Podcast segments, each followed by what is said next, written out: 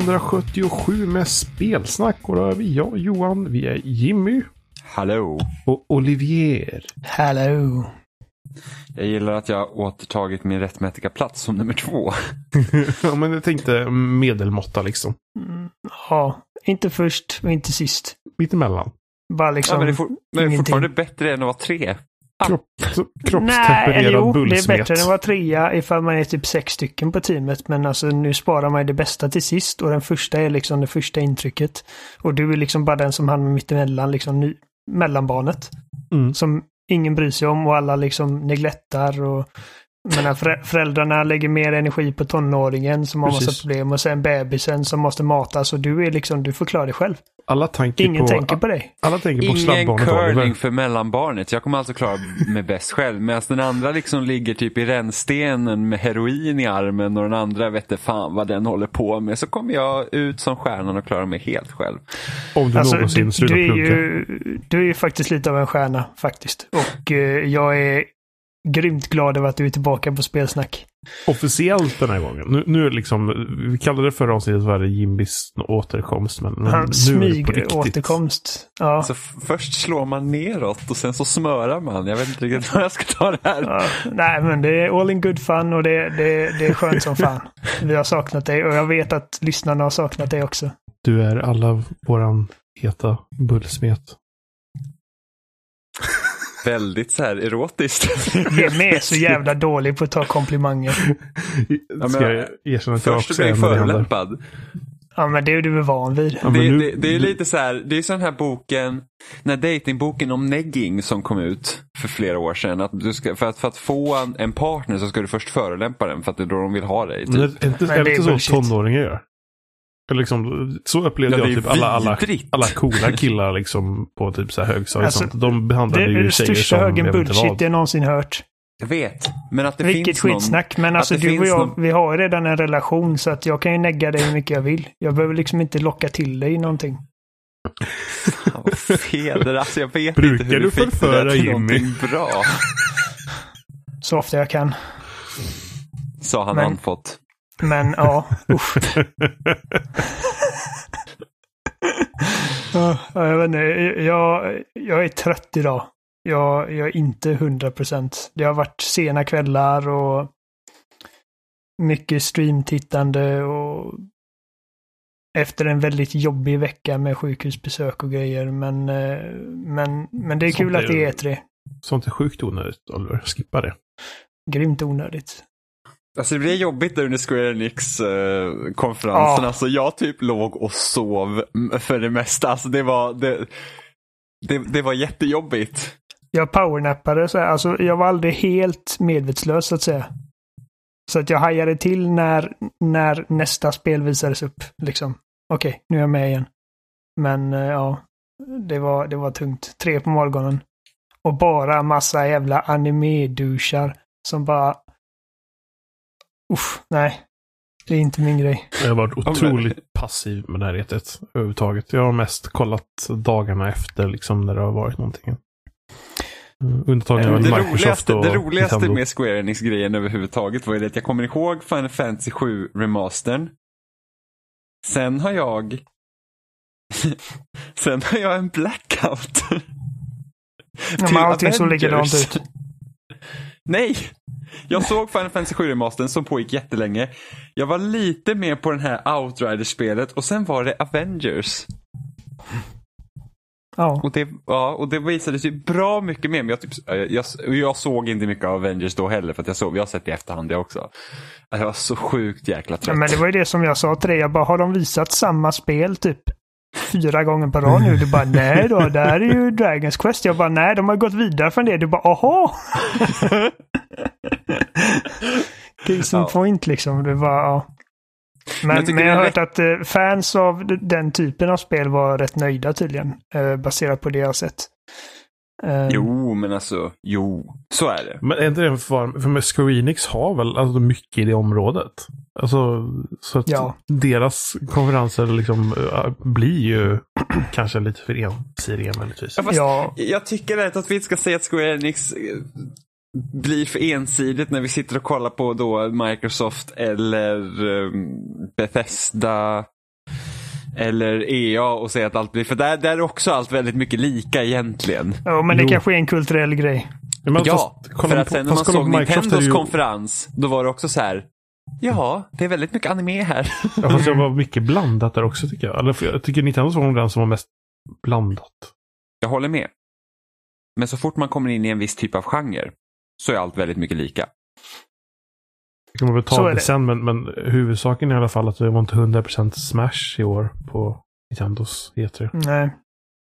Det Nej, jag, kände, det, var, det var ett par gånger som jag kände att även i år att man, man hänger upp sig lite för mycket. Och typ som var det Watch Dogs Legion visade de väl upp 25 minuter av. Alltså, fast de körde 25 samtidigt minuter på raken. Ja, Ja, fast jag gud. tycker i och för sig att en 25 minuters visning av, av Watch Dogs inte är så farligt, ärligt talat. Ja, det, det beror ju ja, väldigt mycket på mm. hur intresserad man är av spelet i fråga givetvis. Hade de visat 25 minuter av Halo Infinite så hade jag skitit ner mig. Men det är liksom... Jag känner ändå att det är, du har en presentation, så lite snack och sen har du gameplay och sen är det lite mer snack och sen är det ytterligare en trailer och sen är det lite mer snack och sen är det en avslutande CGI-trailer. Jag bara... tar jag aldrig slut. Uh, Medan vi har det motsatta problemet på Microsoft, där ingenting får ordentlig tid. Och allting liksom bara slätas över. Um, Ja, Microsoft är otroligt rappa i deras... Alltså det är liksom... Och då har de ju varit i några år nu. chop, chop, chop. Eh, Ja, men där är ju verkligen problemet i att, som du säger, att ingenting får ta tid. För att ärligt Mm. talat, vad är skillnaden från att titta på Microsofts konferens och faktiskt sätta på en YouTube-playlista med alla trailers? nej, inte mycket. Eh, generellt sett, alltså jag tror att det här, det här är nog det svagaste E3 på, alltså åtminstone fem år. Känns det inte så? Men Det, det är Alltså, så det här- underligt också. när Nintendo har typ så här halva foten inne på något sätt. Alltså de, de är på E3 men de kör liksom före Eh, Jo, men det, det är man van vid vid det här laget. Jag kommer ihåg första året där de eh, valde att inte göra en presskonferens. Jag var jättebesviken över det, men nu, nu är man liksom fine med det. Ja, det funkar också. Alltså det, det, det är Ja. inte dåligt. Och sen så har de väl, de, deras treehouse är väl på E3-området. Som förstått så. Eh, ja, det tror jag. Så där är de fortfarande. Medan typ Sony är ju borta. Mm. Helt. Sony lyckades ju skapa mer buzz innan E3 i princip med typ Death Stranding och den där grejen än många av de andra utgivarna gjorde på E3. Um, ehm, ja, men överlag så, jag, menar, jag tycker inte att någon konferens var särskilt upphetsande. Flera av dem hade spel närvarande som jag ser väldigt mycket fram emot och som jag är helt övertygad om att de kommer liksom definitivt bli eh, coola upplevelser. Men om vi tar typ som Halo Infinite-trailern som var väldigt snyggt regisserad men sa väldigt lite om det nya spelet. Och jämför då med den första trailern vi fick där vi inte ens visste vad det var för någonting. Man fick se liksom stora öppna vider och det liksom, det signalerade ett stort spel med mycket yta och frihet och, och så såg man massa konstiga alien-varelser. Man tänkte, åh, vad är detta för någonting? Och sen så ser man Master Chief och man bara, åh, det är ett Halo-spel. Liksom, den säger mer om inriktningen som spelet har tagit än vad den här cinematiska, alltså det känns som att det är liksom en cutscene direkt rippad från spelet. Um, och det är samma med Gears of War 5 som jag menar, jag ser fram emot det spelet, men den trailern Ja, nu ska vi inte hoppa för långt fram, men alltså den trailern där Kate bara typ stirrar in i kameran och hennes ansikte morfas. Man ser typ en god variant och en ond variant och man bara, det här är det mest bajsnödiga jävla skiten jag någonsin sett. Jag satt och skämdes när jag såg den.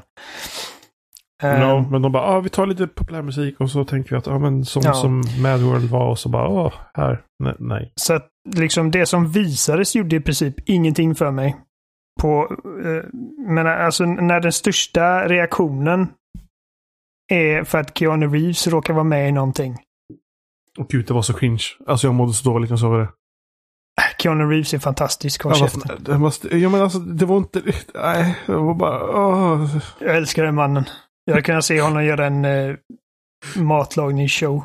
Eh, Men ja, alltså som, som sagt, vi, vi, vi börjar väl från början antar jag. Ja, ja. Men alltså jag tror att, för det här E3 liknar väldigt mycket typ E3 2012. Det är liksom ingen som kan göra väldigt mycket för att det är nästa generations konsoler Precis. är på ingång. Man laddar upp och Ja, eh, man... Vilket man till viss del kände också förra året på ett sätt. För jag kommer ihåg eh, förra året, för då sa jag det typ att okej, många av de här spelen som vi ser just nu är till Next Gen. Det visade sig egentligen att jag hade fel. För att de spelen kommer till den här generationens konsoler. Inte alla. Eh, nej. Inte Halo. Är det något du tänker på speciellt nu? Alltså, jag menar okej, jag vet Halo, Halo Infinite kanske Ja, kommer okej. till Xbox One, men det, vi vet ju nu att det kommer på releasen för nästa Precis, Xbox. men, men samtidigt. Men jag ja. förstår vad du menar. Men för som jag, hade, jag trodde inte att Cyberpunk skulle komma så tidigt som det gör. Jag trodde att Cyberpunk var 2021. Jag trodde inte Death Stranding skulle komma så tidigt som det kom. Inte jag heller. Det, jag det skulle var absolut lite av en inte säga faktiskt. att Death Stranding skulle vara i år. Nu Nej. var inte Death Stranding på E3. men, Nej, men nej, om man jag bara- tänker på förra året så, så var det så här att jag, så här, hade jag, hade jag fått tippa på något så här, Cyberpunk kommer inte till den här generationens konsoler, Death Stranding kommer inte till den här generationens konsoler, Halo Infinite kommer inte till den här generationens konsoler. Så nu, nu vet inte jag om jag bullshittar nu, men jag tror att man har sagt också att Halo Infinite kommer vara spelbart på Xbox One. Det är möjligt. Eh, Jag är inte 100% säker på att jag har rätt här eller om jag har drömt ihop det här eller hittat på eller vad som helst. Men det skulle ju inte heller vara helt omöjligt att det är. Nej, precis. Det, det alltså, jag kan tänka mig Men- att om man, om man siktar på att köra Infinite i 4K 60 bilder i sekunden på nästa generation så kan man ju tänka 10 1080 30 på Xbox One. Ja. Och Men vi det sitter fungerat. ja, men vi kommer inte sitta här sen och säga att Halo Infinite är ett Xbox One-spel. Precis som att vi kommer Nej. inte att sä- säga att eh, eh, Breath of the Wild är ett Wii U-spel. Vi Nej. säger att Breath of the Wild är ett Switch-spel. Eh, nej. Men förutom EA så är det ju Microsoft som jag vet att du inte kan säga mycket om EA och vi kommer inte prata så mycket om EA egentligen eftersom det Jag stora hade ju spelet ingen eh, direkt konferens Nej. i år. Men det formatet EA hade i år är det bästa de kan ha utifrån den situation de är i. Ja, ja det tror jag Hej, också. vi har ingenting att visa. Vi har några högprofilerade spel. Vi ger dem en halvtimme var här. Titta på vad fan ni vill titta på.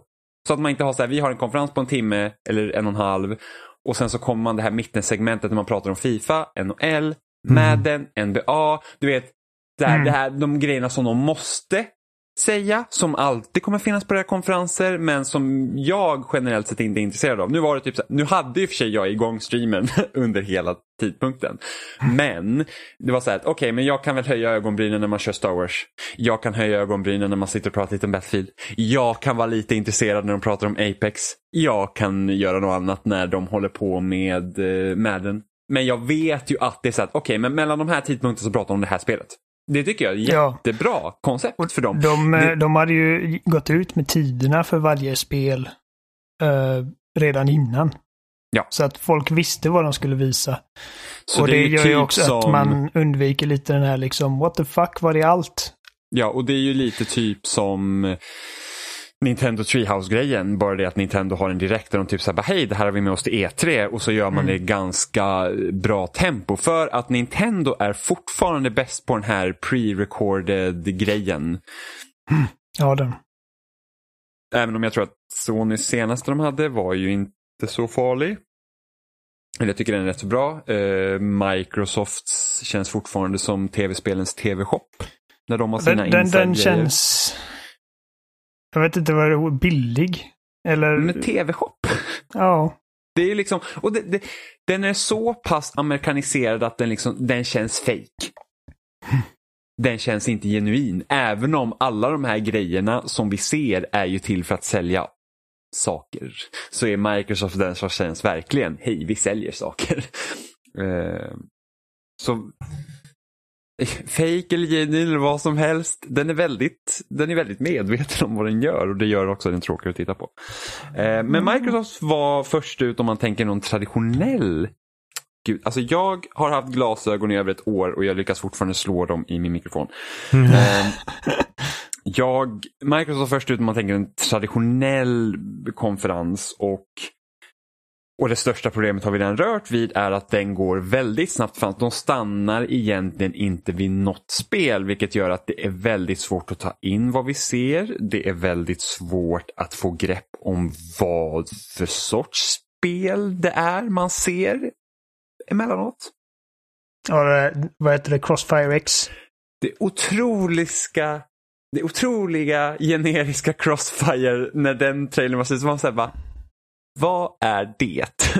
Men man kan ju liksom tänka sig, okej, det här är någon sorts militärshooter. Liksom. Jo, men samtidigt Men du kan göra en militärshooter på aning. jättemånga olika sätt. Det kan vara Ja. typ som COD, det kan vara som Overwatch, det kan vara som Battlefield. Ja, men det, det finns hur mycket som helst. Det kan vara som Ja. Rainbow Six. Nu ska det typ vara som ett Counter-Strike och det är ett jättestort spel i Kina, Asien. Sydasien. Eh. Kina, Nordkorea, okej inte Nordkorea, Sydkorea. Det är bra Korea. Ja, Japan, vad, vad liksom. Men nu ska det komma hit och det är typ något Counter-Strike liknande och Remedy ska göra kampanjen. mm. Men Vilket- liksom, det är ju inte Nej, det, det, det hade jag den, inte sett. nej men det är liksom inte den informationen du får i en sån här trailern. Jag kan inte ens se hur man skulle typ kunna vara intresserad av det spelet utöver man ser på, man bara, här är en shooter. OK. Ja, men det är väl i så fall ifall man är medveten om vad Crossfire är för någonting från första början. Jo, men ändå. Jo, jo men alltså... Så här är eh, spelet jag är intresserad av. Här kommer en trailer på sagda spel. Wow. Liksom. Okej. Men om man nu ska försöka sälja in det spelet till mig som inte vet om. Jag hade ingen aning om vad det var för typ. Alltså vad, det, vad är Crossfire för någonting? Hade någon frågat mig vad är Crossfire för något efter jag hade sett det? Jag sa ja, man skjuter på saker med vad? Eller vem? Militär. Ingen aning liksom. Så att, så att ja. Det är, Men- det är inte mer än så. Men alltså konferensens första what the fuck kom ju ganska tidigt för mig. Jag tror att det var väl typ det första spelet de visade var från Ninja Theory. Eh, Ja, just det. ett spel som heter eh, Bleeding Bleeding, Edge. Och då är det här är liksom en studio då, nyligen uppköpt av Microsoft. Eh, och okej, nu sa de liksom att det här spelet har tydligen varit under utveckling i några år. Så att Microsoft har väl inte haft så mycket input på just det här projektet. Men jag kommer ihåg när de utannonserade att de har köpt upp den studion och då som ett fan av Ninja Theory och jag vet liksom att de har inte haft det jättelätt. Deras spel har liksom sällan varit några enorma hits, men jag tycker ändå att de är liksom en av de mest lovande eh, studiosarna som finns eh, i vad de gör. Liksom narrativt drivna, väldigt cinematiska actionspel. Och det första jag såg framför mig när de utannonserade uppköpet var liksom okej, nu, nu kan Microsoft liksom dundra på med sina pengar och låta Ninja Theory göra sin grej. Så att de kan få liksom sitt första riktigt liksom gripande actionäventyr. Ungefär som Sony har haft God of War eller whatever, Uncharted. Och så får vi Bleeding Edge. Liksom ett typ punkrock Overwatch. Som, Och- alltså det är bara det mest Microsoft som hade kunnat hända. Fast nu är det här ingen shooter, Fast det här är ju en brawler. Ja, jag förstår. Eh, Vil- vilket är det ju finns liksom- miniguns och grejer i det, men eh, primärt så, så handlar det om att Slåss. det är melee combat liksom. 4v4 ser det ut som. Jag gillar inte stilen, jag tycker det ser jättetrist ut och eh, bara för att jag vet liksom vilken potential den studion har. Hade det inte varit Ninja Theory på liksom med sitt namn i den trailern så hade jag inte ryckt, höjt ett ögonbryn. Men nu är liksom, alltså detta är vad de gör. Ja, Jag bara alltså, helvete. det är ganska kul också. Alltså, vad ska man säga? Microsoft har ju en ganska... Alltså, och de, de satsar ofta på multiplayer. Du ska kunna spela med flera. Det, är- det är ofta i deras spel. Liksom att det ska vara någon form av Hej, vi gör det här tillsammans, vi spelar tillsammans eller någonting. men det är så kul, precis som du säger här med Ninja Theory, att det, det man tänkte, om oh, nu har de köpt en studio som kan fokusera på spel som drivs av ett narrativ snarare än, än traditionellt sett liksom någon form av spelmekanik. så kan du tänka dig när Microsoft typ shoppar för studios och de kommer så här, så här Ninja Theory, ja de har gjort Hellblade och så tänker du den här typ mem när man säger bara ja, inte riktigt vad vi vill ha och så ser de den här typ 4v4 brawlen och så bara, ja ah, men det där, därför Sold. köper vi Ninja Theory. Precis. Jag kan ja. tänka mig att det kan vara typ bli kul att testa men samtidigt så att Alltså det, det här är inte liksom det här är inte vad jag eftersöker. Det här är inte heller någonting som jag känner att Microsoft på något sätt saknar i sin nej, repertoar om man nej. säger så. Det är ingenting som Microsoft inte redan har. Det är ingenting som jag är intresserad av. Eh, det är ingenting som jag är intresserad av ska komma från eh, Ninja Theory. Eh, det är inte vad jag känner att Microsoft behöver. Men alltså, det är synd att sitta här och bara bajsa på ett spel innan man ens har testat det bara för att liksom man hade vissa förväntningar på vad en viss studio ska göra. Det är liksom som sagt bara för att jag vet att de har enorm potential och jag är säker på att de kommer liksom få göra någonting enormt i framtiden. Um, men ja, det, det, var, det var liksom bara, ja, okej. Okay. Mm.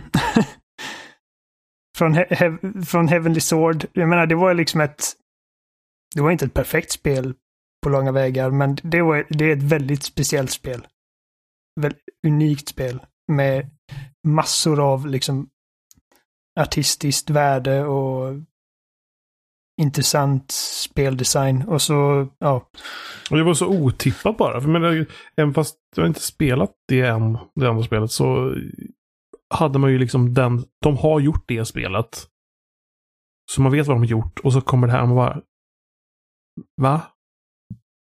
Mm. Jag, var, jag var också förvånad. Ja, jag tror fortfarande att Ninja Theory kommer ha en ljus framtid. Det är bara...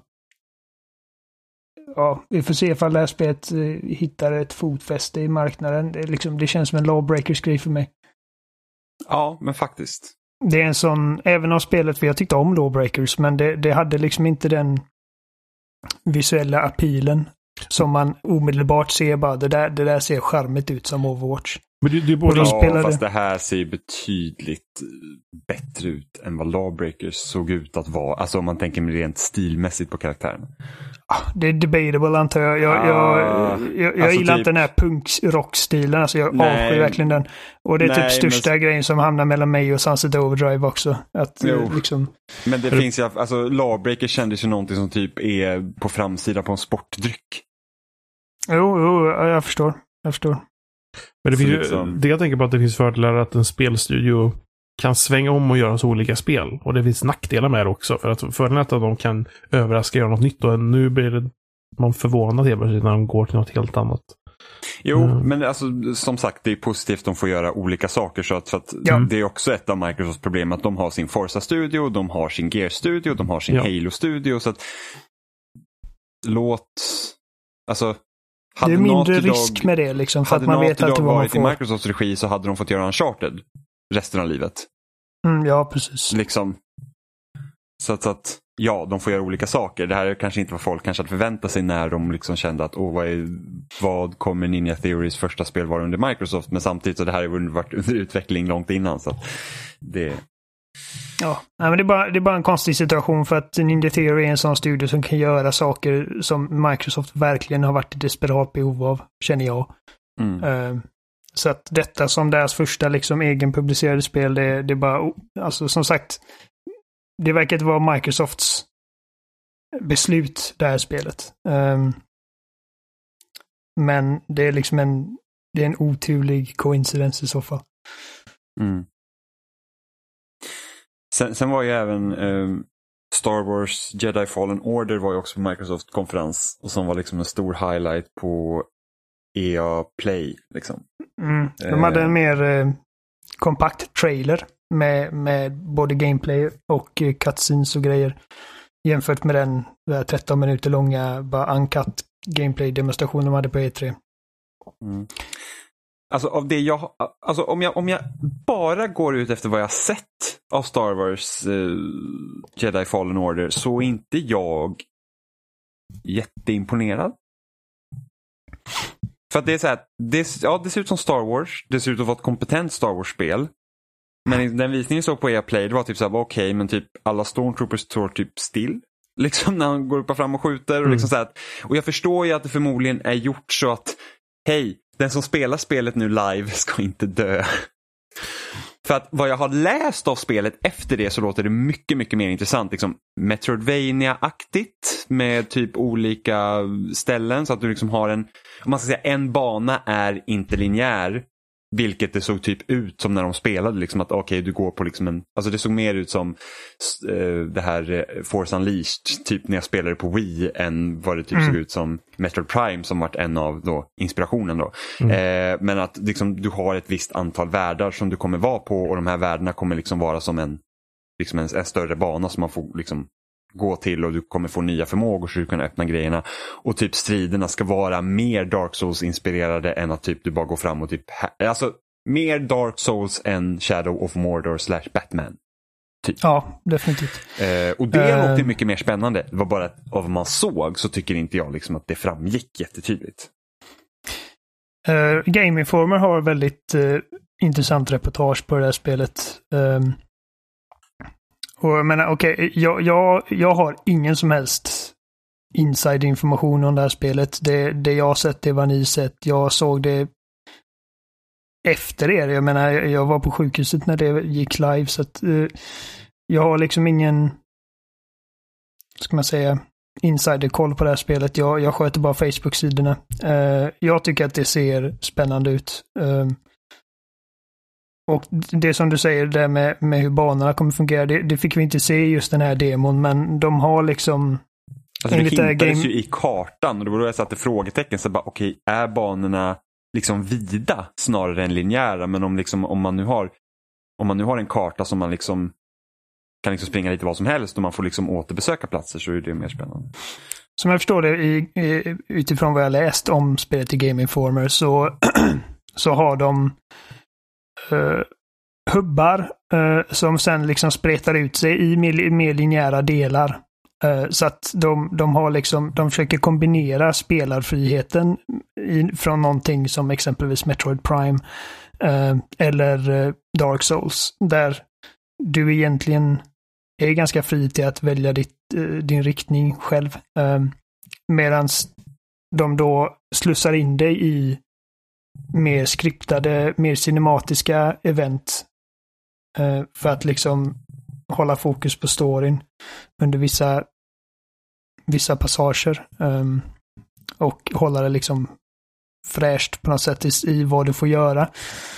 Uh, du har ett skepp som du kan customisa och med detta skeppet så får du besöka olika planeter och du kommer, du kommer kunna återbesöka planeter du redan varit på i princip som du känner för det, verkar det som. Uh, uh, för att liksom... Jag vet inte ifall de sa bokstavligen som i Metroid där man har fått en ny ability eller någonting som gör att du kan utforska gamla uh, banor. Mer... Men det de sa att det kommer finnas ställen där du inte kommer vidare för att du saknar en förmåga. Mm. Det jag tror det var IGN Live-intervjun. Jag tror den största takeawayen för mig som Star Wars-fan och liksom jag då som älskar grejer som Jedi Knight-spelen och då framförallt Jedi Outcast.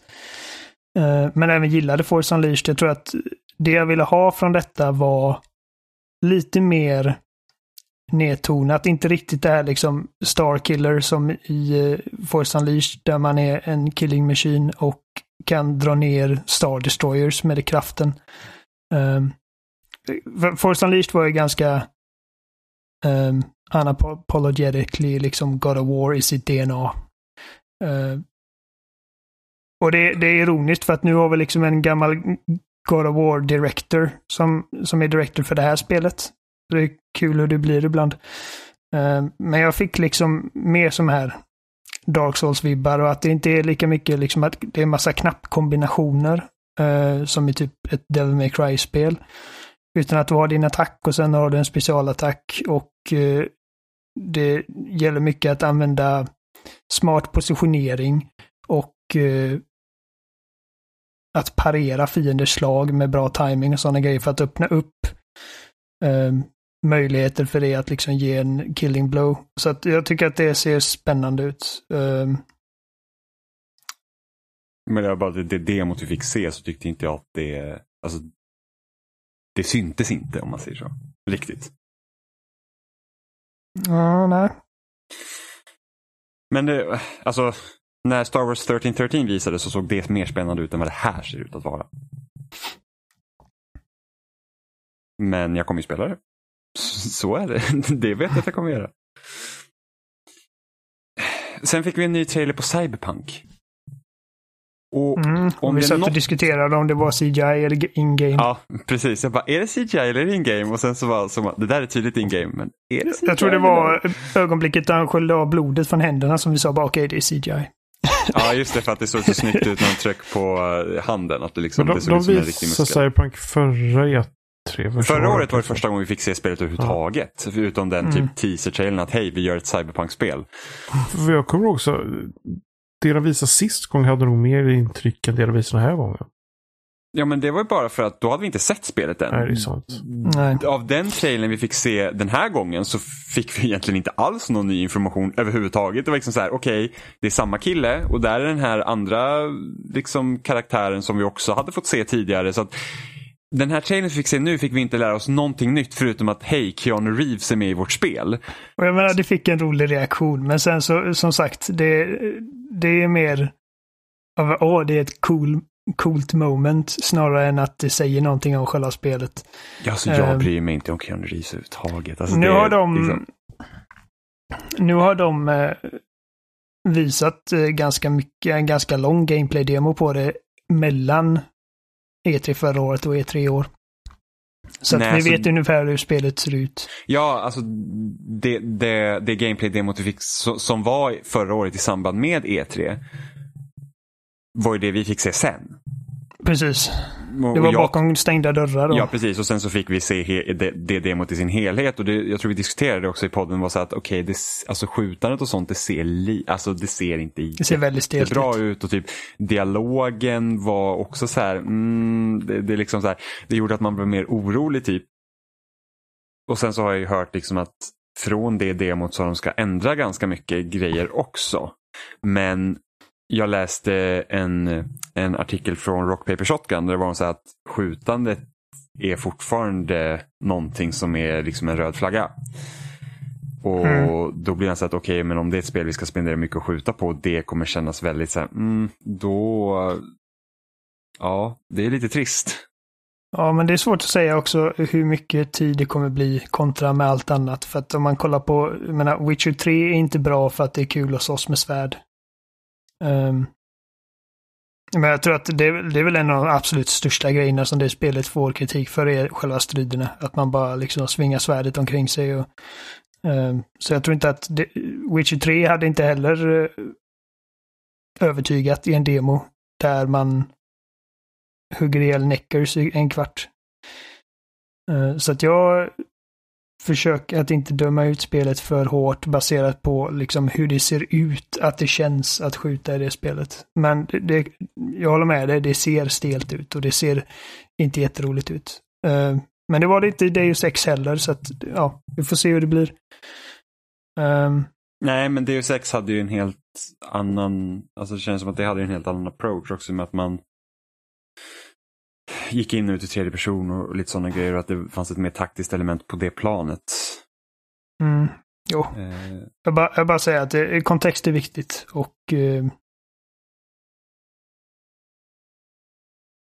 det, jag ser fram emot det, men det är samma sak. Liksom, det är som ni säger, den här nya trailern sa egentligen ingenting. Nej. Det gjorde ingenting för mig. Eh, jag förstår jag bara inte vet att, att, de det är inte på väg. Alltså det här hade de ju haft chansen att komma ut med liksom en, en kanske en tio minuters liksom ny snutt Ja, av definitivt. spel att se. Och liksom för, att, för då är det så att okej, de visar Cyberpunk. För att jag kommer ihåg vi sa det på förhand, jag bara, "Ja, men tänk om de öppnar med liksom en demo på Cyberpunk eh, för Microsofts presskonferens, vilket de inte gjorde. Men, och då var det så att jaha, men så här, alltså Alltså det kändes typ onödigt. Jag, bara, jag hade inte behövt se det här för att det, är liksom, det gör ingen skillnad egentligen.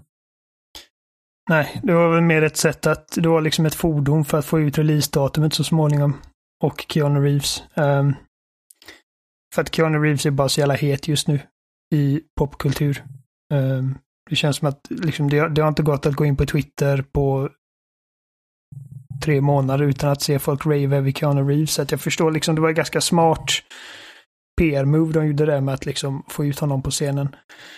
Um, Men, men som sagt, spel vi ser fram emot, trailer, liksom det som visades på konferensen gjorde inte så mycket för oss. Och jag kände lite att det är ett tema. Liksom att eh, spel som vi vet att vi är sugna på visas upp i ganska menlös kapacitet.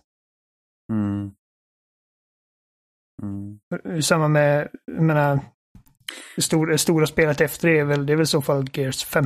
Uh, och då, det har vi ju rört vid redan, liksom att jag tyckte att den trailern med Kate, med hennes typ humörsvängningar, alltså det, det bara, jag bara, det här är verkligen så jävla uselt. Ja, men det, Lätt det, den sämsta trailern på hela E3. ja, men det är också så här en konstig grej för att det kändes som en väldigt så här Ja, vi ska visa spelets tonalitet, vilket hade kanske passat mer förra året när Gears 5 utannonseras överhuvudtaget. Och sen så får vi se något, och, så, och det här är det här är något som alltid så går stick i stäv när det kommer till liksom Gears som IP och, och liksom hur man uppfattar spelet. För att vi har om man nu tänker, första trailern på Gears of War som serie överhuvudtaget är ju Marcus Phoenix. När han går genom liksom så här tomma gator, eh, när allt liksom är så här förstört. Det är liksom en krigszon och sen har vi den här eh, Gary Jules-låten. Mm. Och sen har vi den andra delen av Gears som är fucking hiphop och rap och fucking såhär typ bara yeah, wow, mm. Liksom den här hela grejen som man såhär bara nej. Det där tycker jag inte alls om. Vi har liksom typ Ice-T som är någon karaktär med typ bling-bling som inte alls passar in. Vi, alltså, vi har typ Cole när han rappar i slutet av ettan. Men det är så här typ att vi tar det här här ska det vara jätteseriöst och sen så bara, ja men jag gillar rap också. liksom det... det, det var liksom så här, en, en Ozzy Osbournes Crazy Train med rap-track på. Och det, det, det tar tankarna direkt tillbaka till 1997s eller 98s Godzilla. Den usla amerikanska versionen av Godzilla där de marknadsförde filmen med Jimmy Page, eh, Kashmir-spelande eh, och Puff Daddy på. Och det var liksom bara... Och det var som jag sa till dig när vi kollade på streamen, jag bara alltså, jag, jag har alltid bara känt att Gears of War kan vara liksom det här seriösa, liksom engagerande liksom krigsdrama. Uh, men det är inte vad det är helt enkelt. Det är bara att acceptera. Men det är det är liksom det- det tribal-tatuerade dudes Jo, som det eh, skjuter vara monster det. till rap-track. Men Jag är bara vet, det kan vara ju det, men- det, men det är så, inte så det. jävla tråkigt och, det är liksom, och speciellt om du då tittar på alltså den här Kate-trailern Mm. Så känns ju den väldigt bortkopplad från det här nya läget som de hade någon trailer på. Och med tanke på att de, har sagt typ att så här, kampanjen ska liksom röra om lite i Gears-formulan så har de liksom spelet släpps i september och de visar ingenting. Nej, och det, alltså, det är som du sa, det känns omvänt. Liksom, om vi hade fått den här Kate-trailern som en teaser innan vi ens visste att Gears 5 var en grej. Så hade det varit liksom, det hade gjort, liksom, makes more sense så att säga. Ja, Eh, Men förra året fick vi en mycket mer intressant trailer som började med en mellansekvens från spelet. eh, Som insinuerade liksom intriger och konflikter mellan de här karaktärerna. Och sen fick vi se gameplay och det var liksom snyggt och det såg spännande ut. Och nu den här gången så får vi den här, det här mumbo jumbo skiten som jag bara, alltså, gud jag hatade det. Och någon trailer för ett nytt, liksom typ, jag vet inte, det känns som så här dungeon crawler grej. Att du spanar med en pistol och sen så dödar du fiender och tar det djupare och djupare. Och det är med tre liksom generiska gears-snubbar och jag bara... Alltså de hade kunnat ge oss en ordentlig gameplay, liksom demo för det spelet. Och visat oss en spektakulär sekvens från spelet och verkligen sålt mig. Men det är alltså helt obegripligt. Mm. Och de ska- bara, ja, vi har gameplay att visa, men det visar vi på E3-mässan. Ni kan komma och spela det. men det ska vara, det ska vara Co-op 3. Mm. Kampanjen och det också. Jag kollar lite gameplay och det bara ser så jävla tråkigt ut. Jag bara, jag... Ja. Ja. Man spanar, som sagt, med, med små pistoler. Och så går man ut i ett rum och så är det massa liksom, inaktiva, typ eh, sovande robotar som man går och dödar. Stealth kills och sen så blir det mer och mer och du får lite mer vapen och det var... Mm. Mm. Mm. Mm -mm. Nej. Sen hade de ju faktiskt en sån här, alltså Alltså, om jag tänker på Microsofts presskonferens, så det tror jag höjer på ögonbrynen. Alltså det som jag alltid återgår till och liksom tänka tillbaka på, är att okej okay, det här visades, det är ju liksom den här Lego-expansionen till Forza Horizon 4. Mm. Det var Alltså bara för att det är så här, precis som med den här Hot Wheels-grejen så är det så här, oh det är lite galet. Ja, men Nej. jag tycker jag, jag kan föreställa mig att det kan bli kul. Bara smasha legobyggnaden med bilar. Ja, fast det är det jag inte tycker är kul då. För att jag börjar fundera mer på det, vad kan man göra med lego? Sen så bara, ah, man kan ha sönder massa grejer i lego. Jag säger nej. Det tycker vad vill du ha? Var vanliga race fast med legobilar? Ja men gör något roligt med det. Alltså, typ Hot Wheels-expansionen var ju så att ah, här har vi loopar och grejer. Även om inte det funkar jättebra mm. alltid. Men det var ju kul. Men det är så här, bara, åh lego, då kan vi bara så här, vi kan smasha lego. Det bara, men det är väl det minst roliga med lego. Ja, men jag, jag, vet inte vad de har för idéer. Och, inte jag heller. Men, jag vet inte om jag kommer köpa expansioner eller inte. för att för det, så det, såg, på det. det. Alltså det såg härligt ut. Jag vet inte. Det, jag gillar lego. Så jag gillar Forza. Så det är liksom bara ja, jag vill Det var oväntat. Men sen har vi också... Med mer lego.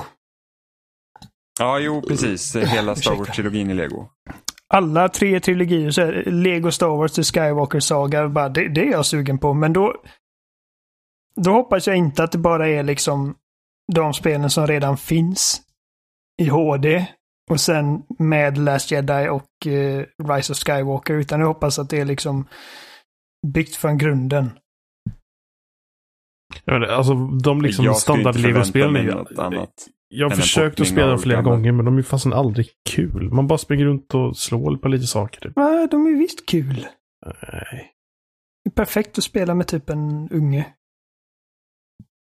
Det är charmigt och så ser man liksom de här Star Wars mellansekvenserna fast utan dialog. Och det hoppas jag. Jag hoppas att de ja, inte har dialog. Fast då så här, om du nu vill att det ska vara uppbyggt från grunden igen så tror du inte att de kommer då ta från de nya legospelen? Eh, alltså, alltså då är det liksom dialoger och sånt?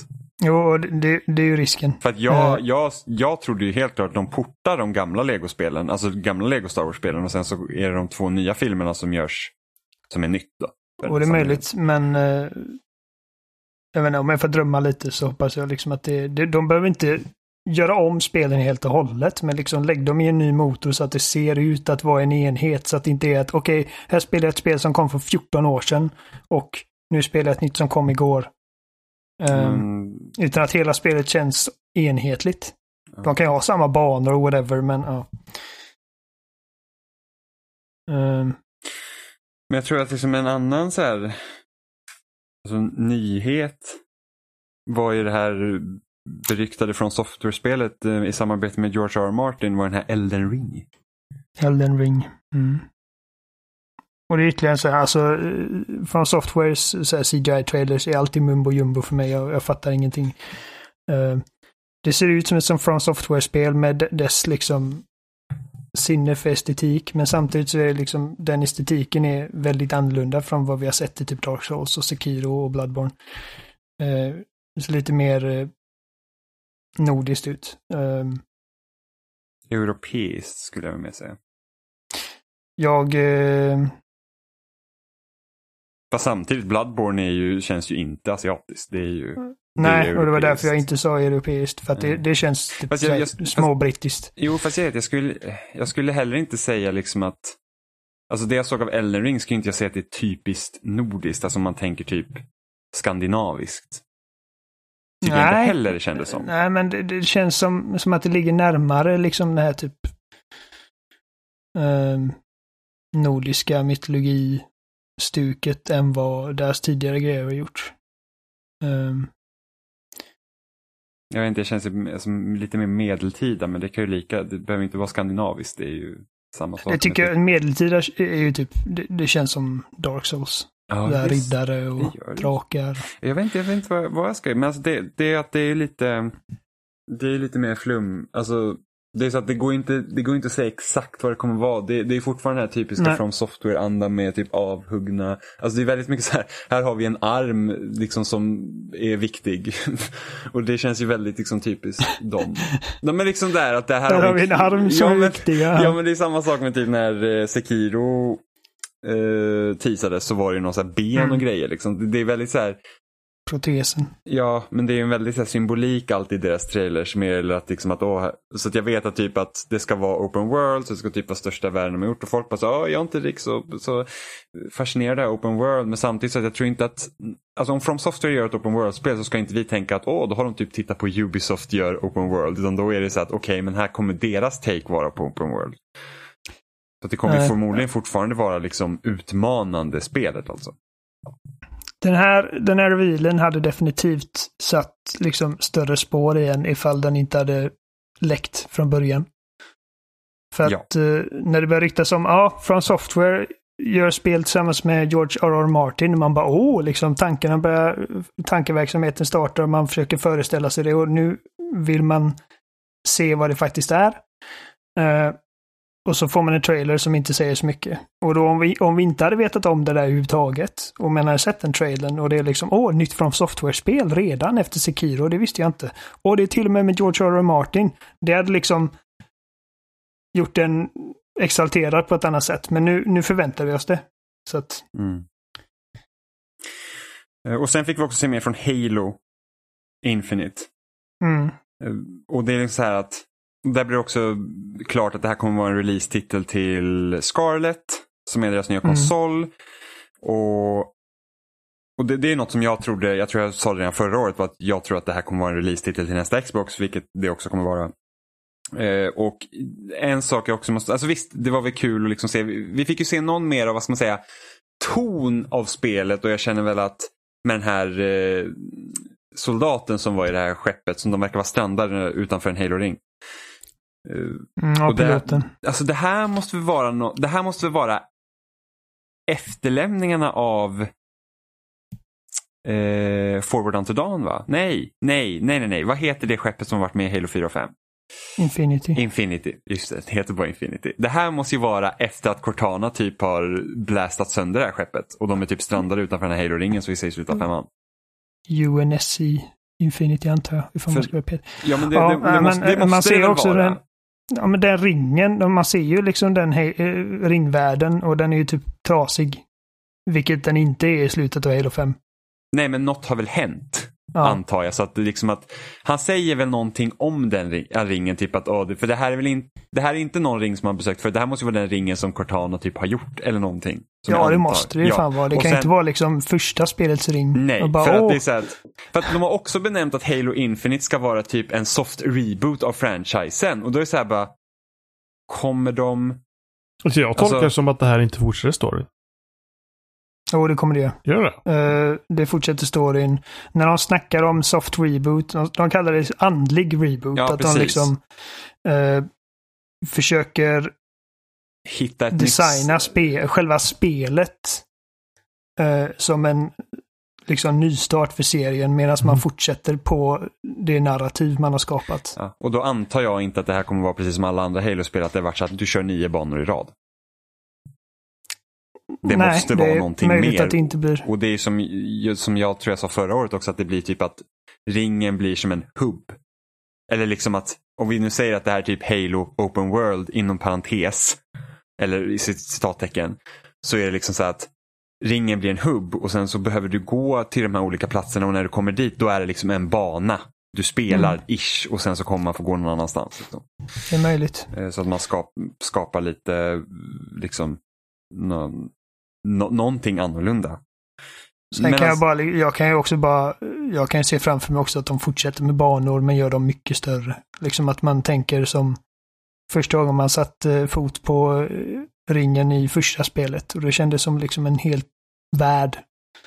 Även om man liksom med dagens mått mätt är det inte så jävla stort, men då kändes det enormt. Mm. Men det här var väl mer som en tonalitet i, av av hur, hur spelet kommer framställas. Det här var ju mycket mer likt eh, Halo 4 än Halo 5 i det avseendet. Liksom mm. tänk Halo 5 kändes ju mycket såhär, åh Avengers typ när du har de här spartanerna som typ fucking åker typ snowboard på marinor och hoppar och typ, ja, så, som liksom känns jättekonstigt. Eh, mm. Medan Halo 4 var ju mer en intim story mellan Cortana och Master Chief. Sen måste jag bara ifrågasätta lite, varför ska de, varenda gång de visar en Halo-trailer så teasar de, så är det alltid här typ, du, du, du, du, det händer någonting, det händer någonting, så bara, åh här är Master Chief. Din, Varenda din. gång. Det, men det är varenda gång. Det är ju så här, när 4 men, teasas men så, så, så... bara John wake up och så bara, oh, man bara det är Master Chief och sen så Poncho Chief och sen förra året hade vi Chiefs hjälm och nu så här gnuggar man på lite rutor och så bara där är Master Chief och det är, så här, det är lite trist faktiskt. Ja, men du ser väl ändå att det fungerar? Liksom vilken reaktion det får varje gång. Ja, alltså för mig blir det ju att reaktionen från min sida är att det är lite tråkigt. Ja, jo, men det är alltså... Alltså alla på Twitter typ älskar den här trailern. Jo, tycker jag- liksom det är typ det bästa på hela E3. Jag Men bara... Det är fortfarande en bra liksom, liksom... Jo men sen tror jag också så här att är det så att okej, jag tittar på E3 för att jag vill se ett nytt Halo. Så är det ju inte för oss. Vi är ju mer heltäckande. Liksom så här att man säger okej men jag tittar på E3 för jag vill se liksom vart mediet är på väg mer eller mindre. Jag vill se Halo, jag vill se allt annat också. Jo, jo men såklart. Men det är ju liksom inte bara så här att jag tittar bara för det här på Halo. Jag vill se någonting från Halo sen är det bra. Liksom, utan det är så här att okej, men jag ser vad, vad, hur kommer nästa år av spel se ut? Så att man sätter Mm. det på nå- något sånt perspektiv. Och sen som, som bara rent av Halo-fan kan man vara jättekul. Jag, jag tycker att det är för fortfarande, så som Halo 5 slutar så är det typ så här bara, åh, ja, alltså jag, jag vet inte, alltså, där tappar man lite intresse för storyn för jag tycker det är en så himla konstig väg att gå. Men när man tittar på den här liksom mer som är, är som en tonalitetsgrej för Halo så är det så här, ja, men det, det, det ser bättre ut än hur femman, femman slutar. Liksom. Men sen så här att vi kommer ju få, alltså nästa gång vi kommer få se Halo Infinite är ju nästa år på E3 och då kommer vi förmodligen få se någonting större. Mm. För sen kommer vi liksom till Scarlet. Mm. Och det, och det sa jag förra veckan till Johan var så att okej, jag tror ju att de kommer verkligen slå på stora trumman att vi kommer få se mycket, mycket mer än vad vi egentligen tror att vi kanske får se. Och jag hade ju fel.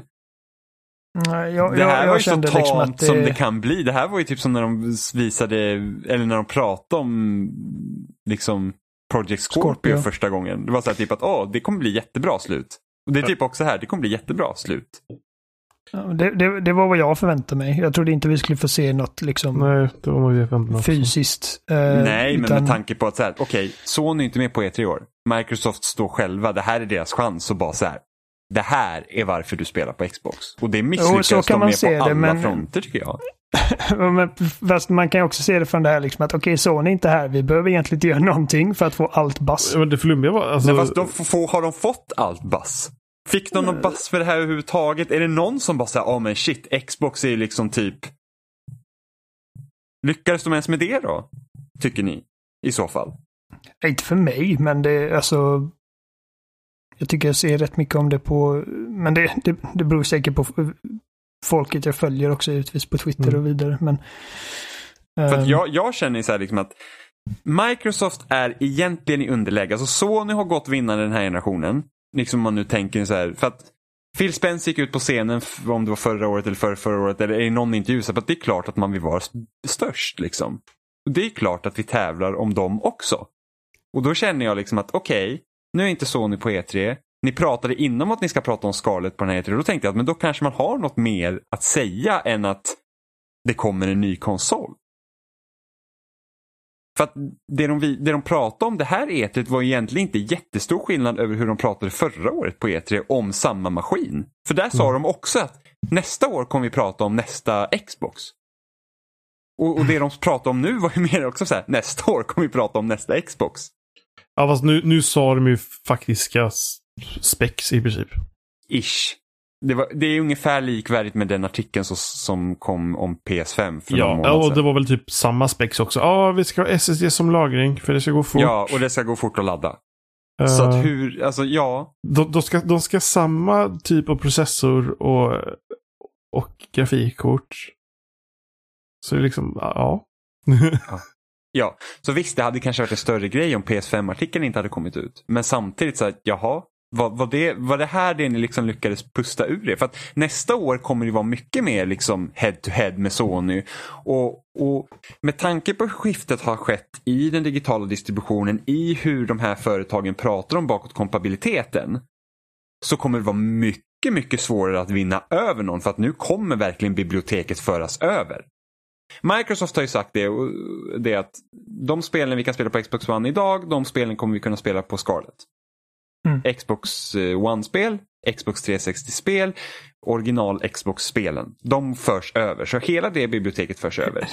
Det är så jobbigt att vi måste se original Ja, Xbox. jag vet, det är jättejobbigt. Xboxen Jävla med Xbox One. Ja, men Xboxen med fucking Duke-kontrollen.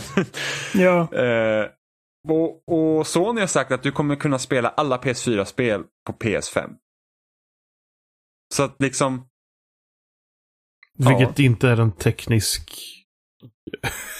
det, det, är det är ingen utmaning alls. nej, nej men precis, men det är så att många ju redan, liksom, de som spelar PS4 idag är liksom inte, de har inte med sig det här tänket med att deras PS3, PS2, PS1-spel fungerar med maskinen. Men de har ändå investerat i den här maskinen med tanke på att den är störst just nu. Mm. Så, så, att, så att Microsoft säger att nej, men ni kan spela fyra generationers spel på nästa Xbox är inte någonting som kanske kommer vinna över alla Nej. de människorna. precis. Så, så redan där har de ju svårigheter. Så därför tycker jag också att det är lite konstigt att man liksom inte liksom kanske pressade på ännu mer här. För det har jag snackat med en kollega på jobbet. Liksom. Han, han tycker det är ett, helt befängt att jag har ett Xbox One. Det är liksom så här, var, varför har du det? Det är liksom, varför? Alla, vadå? liksom, Vad har alla, hänt med dig? alla han känner, Vad- liksom, de har PS4, liksom, det har han med. Alltså, varför skulle man ha ett Xbox One? Det, det finns inga spel. Mm. Eh, för liksom inställningar, liksom, att det finns liksom first party-spel, liksom, eller exklusiva spel till PS4. Och så är det på Xbox One så bara det finns massa PC-portar. Det är det som finns. Mm.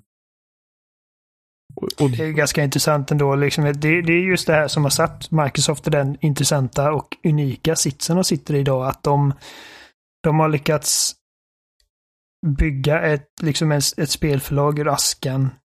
Eh, som med, det, det medges att det inte är det ledande spelförlaget, men eh, det är framgångsrikt. Och det är liksom detta helt utan en enda sån exklusivitet som God of War som, som alla pratar om. Och fortfarande pratar om. Mm.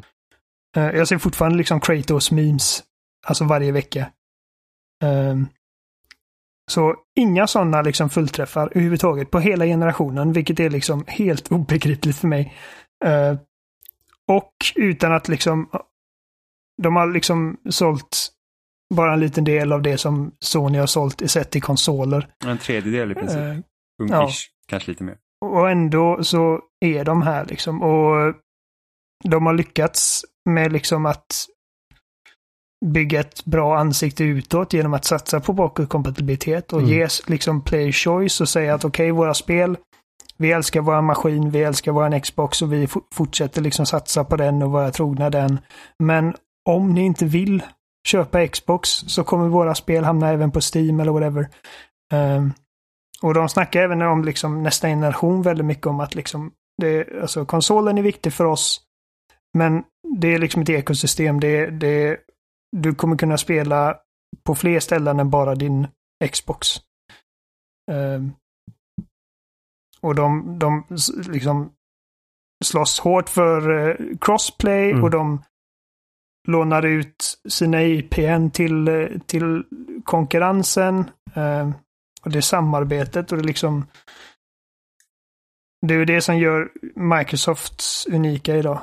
Mm. Ja, alltså, jo, men det är ju just de det ekosystemet. Men... Microsoft har ju gått överlag hela bolaget till att vara liksom den här kooperativa eh, hemska saken som äter upp allt och alla och spottar ut liksom något förstört. Eh, till att vara nu extremt öppna och allmänt trevliga. Eller konsumentvänliga. Med liksom massa bra tjänster. Alltså som typ som Game Pass är helt sinnessjukt. Uh, och det, det hamnar de in ännu mer på E3, liksom att uh, så många av de här spelen som dyker upp på Game Pass dag ett. Och, och att Game Pass nu, nu dyker upp på eh, PC. Och att eh, du kommer, eh, de kommer slå ihop, liksom ifall du vill ha Game Pass Ultimate så är det guld och eh, Game Pass på både konsol och på PC.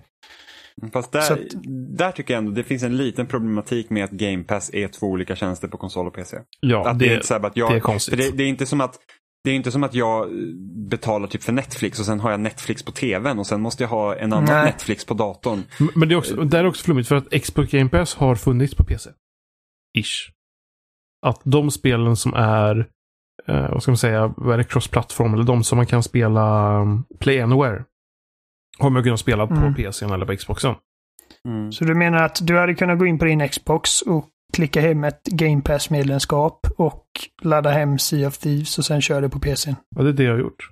Eller nej, det har jag inte alls gjort. Jag, har, jag fick ett exemplar. Men eh, det har jag gjort med andra spel. Eh, Forza Horizon 4. Mm. Eh, så, så det har liksom funnits ish. Men inte liksom officiellt fast officiellt fast ändå inte. Jag tror Um, pro problemet här med de, den, varför de kanske gör så att de skiljer på det är ju för att det finns ju vissa spel som bara finns på PC. Att du kan liksom inte säga, men jag har Game Pass så det här finns på Game Pass. Men, Eh. men alltså är det inte så att om du har Game Pass på Xboxen så har du det på PC? jo, Nej. ish.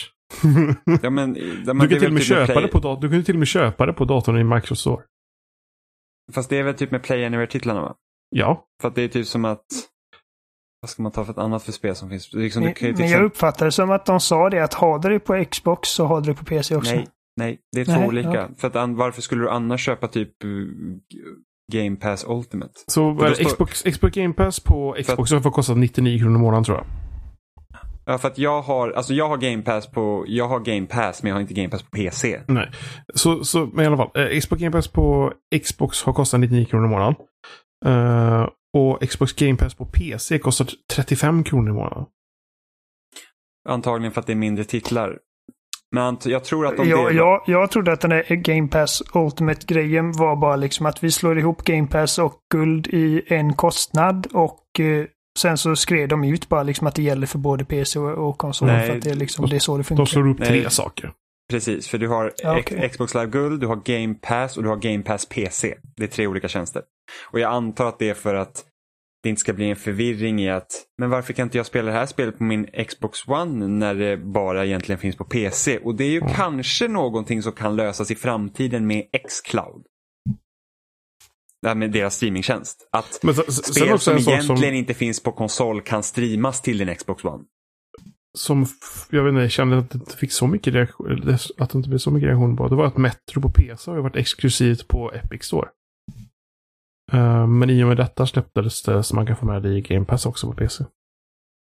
Ja. Ja men, Men de, de, pra, Äh. de pratar knappt om sitt, eh, sin Xcloud-tjänst heller, vilket också var konstigt. För det Ja. trodde man att de skulle, för de sa att de kommer prata mer om det på E3, men de nämnde knappt någonting om det. Eh, jag vet att Digital Foundry gjorde någon så här test mellan så här lokalt spelande på Halo 5 och via streamingtjänsten och det var faktiskt ganska imponerande. Alltså, de, de testade input-delayen på lokalt spelande, alltså från att du trycker på, eh, på kontrollen tills det händer någonting i spelet, så var det 62 eller 63 millisekunder. Och via Xcloud så var det 67 millisekunder. Så det var ju en väldigt liten skillnad, eh, vilket var väldigt imponerande. Nu var det ju under liksom typ bästa förutsättningarna också när de testade liksom, i, det, i den miljön de testade i, men ändå att det var så liten skillnad mellan att faktiskt sitta och spela på en konsol och via streaming. Och då Eh. låter det som att de i princip bara lägger på internetmillisekunderna. För det låter som ett antal millisekunder som är ganska vettiga om du sitter på en fiberanslutning. Mm. Ja, men alltså, så då, det, var liksom det, det var deras test. Liksom att nu, nu streamar vi Halo 5. Och det var liksom bara så lite medlay i din input. Eh, vilket var väldigt imponerande. Så, att det, så vi får se hur det går. Sen har ju Phil Spencer sagt att vill du ha absolut bästa möjliga spelupplevelsen så är det ju ändå via lokalt spelande. Så det ska man ju inte sticka under stol på. Eh, Visar också en ny kontroll. ja, en ny Elite. Och så kanske Och så alla- typ 2000 och- spänn. Och alla Xbox One-kontroller kommer att fungera på skalet. Mm. Vilket var nice. Så det får, mig, det, det får ändå mig att bli nyfiken på, kommer de göra någonting med kontrollen till skalet? Eller kommer det vara exakt likadana kontroller? Alltså, jag tror inte att det kommer handla om nya funktionalitet och sånt. Nej, nej, nej. Eh. nej, nej då kommer det inte bli... Det kommer Då i inte så bli fall ifall det bara är liksom en ny design på Ja, ja, men precis. Att det är, därför att man I princip kan man ju säga att Xbox 360-kontrollen skulle typ ish också kunna fungera på. Mm. eh, Xbox One. För att det, det är egentligen ingen skillnad i knappar. Egentligen. Eh, annars, så, eh, annars så var det inte så mycket mer på, på Xbox liksom som visades. Vi fick ju vanligt så här ID Xbox eh, Real med olika mi, mindre spel som kommer komma. Ett nytt Battletoads som ser helt okej ut. Har, har vi nämnt att de har köpt Double Fine? Ja, de köpte Double Fine också, vilket är kul. För att Double Fine är en sån studio som alltid liksom har levt lite på gränsen till om de klarar sig eller inte. Eh, så jag ser väl det mer eller mindre som positivt att de får finnas kvar. Får man ju bara hoppas att Microsoft inte är en sån eh, utgivare som, som förstör sina studios. Mm. Eh, det finns ju alltid en risk. Eh, Tiden får utvisa det. ja, men annars så liksom det, det liksom swishade förbi en massa spel. Det var något, ett spel som såg intressant ut var det här 12, eh, 12 minutes.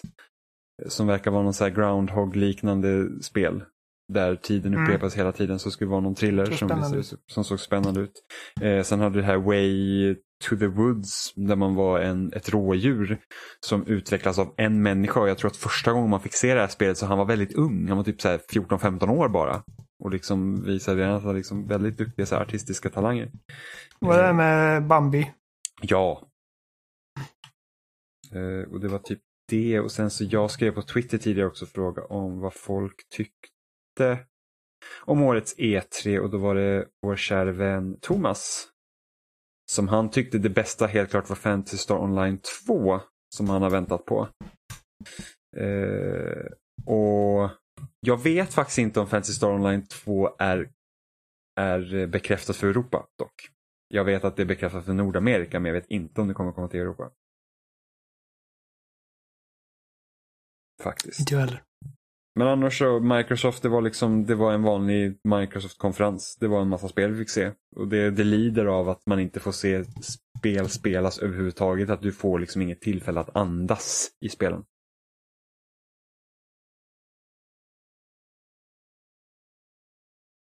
Faktiskt. Ja. Eh, Och en annan, andra intryck också? från Microsoft? Nej, alltså Jaha, från folk på ja, Twitter. men jag tänkte att vi tar det appropriate time. Ja, när vi ja. kommer in på sådana saker vi pratar om så de får dyka in. Ehm, näst på hela karusellen var Bethesda. Mm. Och jag känner att de hade väl en helt okej liksom konferens egentligen. Bethesda brukar inte vara liksom några riktiga heavy hitters. Nej men de brukar Eh. heller inte vara så långa så det liksom det, Nej. det, det, det går liksom förbi. Det, det beror alltid på vad de har att komma med. Ja, alltså det, det mest intressanta nya spelet de hade var ju Arcanes Deathloop. Mm. Som då ska liksom vara Alltså jag antar att det kommer gå lite i samma gren som eh, deras liksom Dishonored och eh, Prey. Att det, det är väl liksom ganska öppna banor där man har flera olika alternativ. Att det finns ganska mycket spelaragens liksom i hela alltet. Att man kan, man kan man kan tackla de här olika målen på olika sätt. Eh, och liksom gimmicken då för det här spelet är det att det är två stycken lönnmördare som ska ta ut varandra här. Och de är i en time loop. Och, ja, precis, de är i en loop då så att när den ena dör så kommer de tillbaka till liv igen. Av någon anledning. Och så ska de försöka ta ut varandra igen. Så det kan ju vara Det kan de faktiskt göra väldigt intressant tror jag. Hur det kommer funka. Hur, liksom, kommer det vara så att man får välja en karaktär i början och så spelar man igenom kampanjen med en karaktär. Eller kommer det vara att man byter mellan olika banor? Och liksom, hur, hur kommer det lösa sig? Mm. Det hade ju faktiskt Ja, det kunnat... blir spännande. Alltså, Bara för att det är Arcane. Ja, men det hade kunnat varit ett väldigt intressant, liksom, vad ska man säga, multiplayer-koncept också. Där man har, hey, nu kör ni ett kampanjgrej som där den ena spelar den ena lönnmördaren och den andra den andra. Och så ska ni försöka döda varandra på kreativa sätt. Inte mer liksom att ah, men jag, jag gör sick headshot, utan man får liksom planera mordet på den andra och försöka liksom överlista dem. Eh, det finns något spel på PC som är i early access där den ena är en hemlig agent. Eh, eller lönnmördare. Och säga hemlig agent. Man är en lönnmördare helt enkelt när man liksom betraktar Mr James Bond. där man betraktar en eh, där man betraktar liksom ett, ett, ett rum, liksom typ i en skyskrapa eller vad som helst. Då ska liksom, du har en target som du ska ta ut och du ska hitta den targeten eh, bland massa NPCer.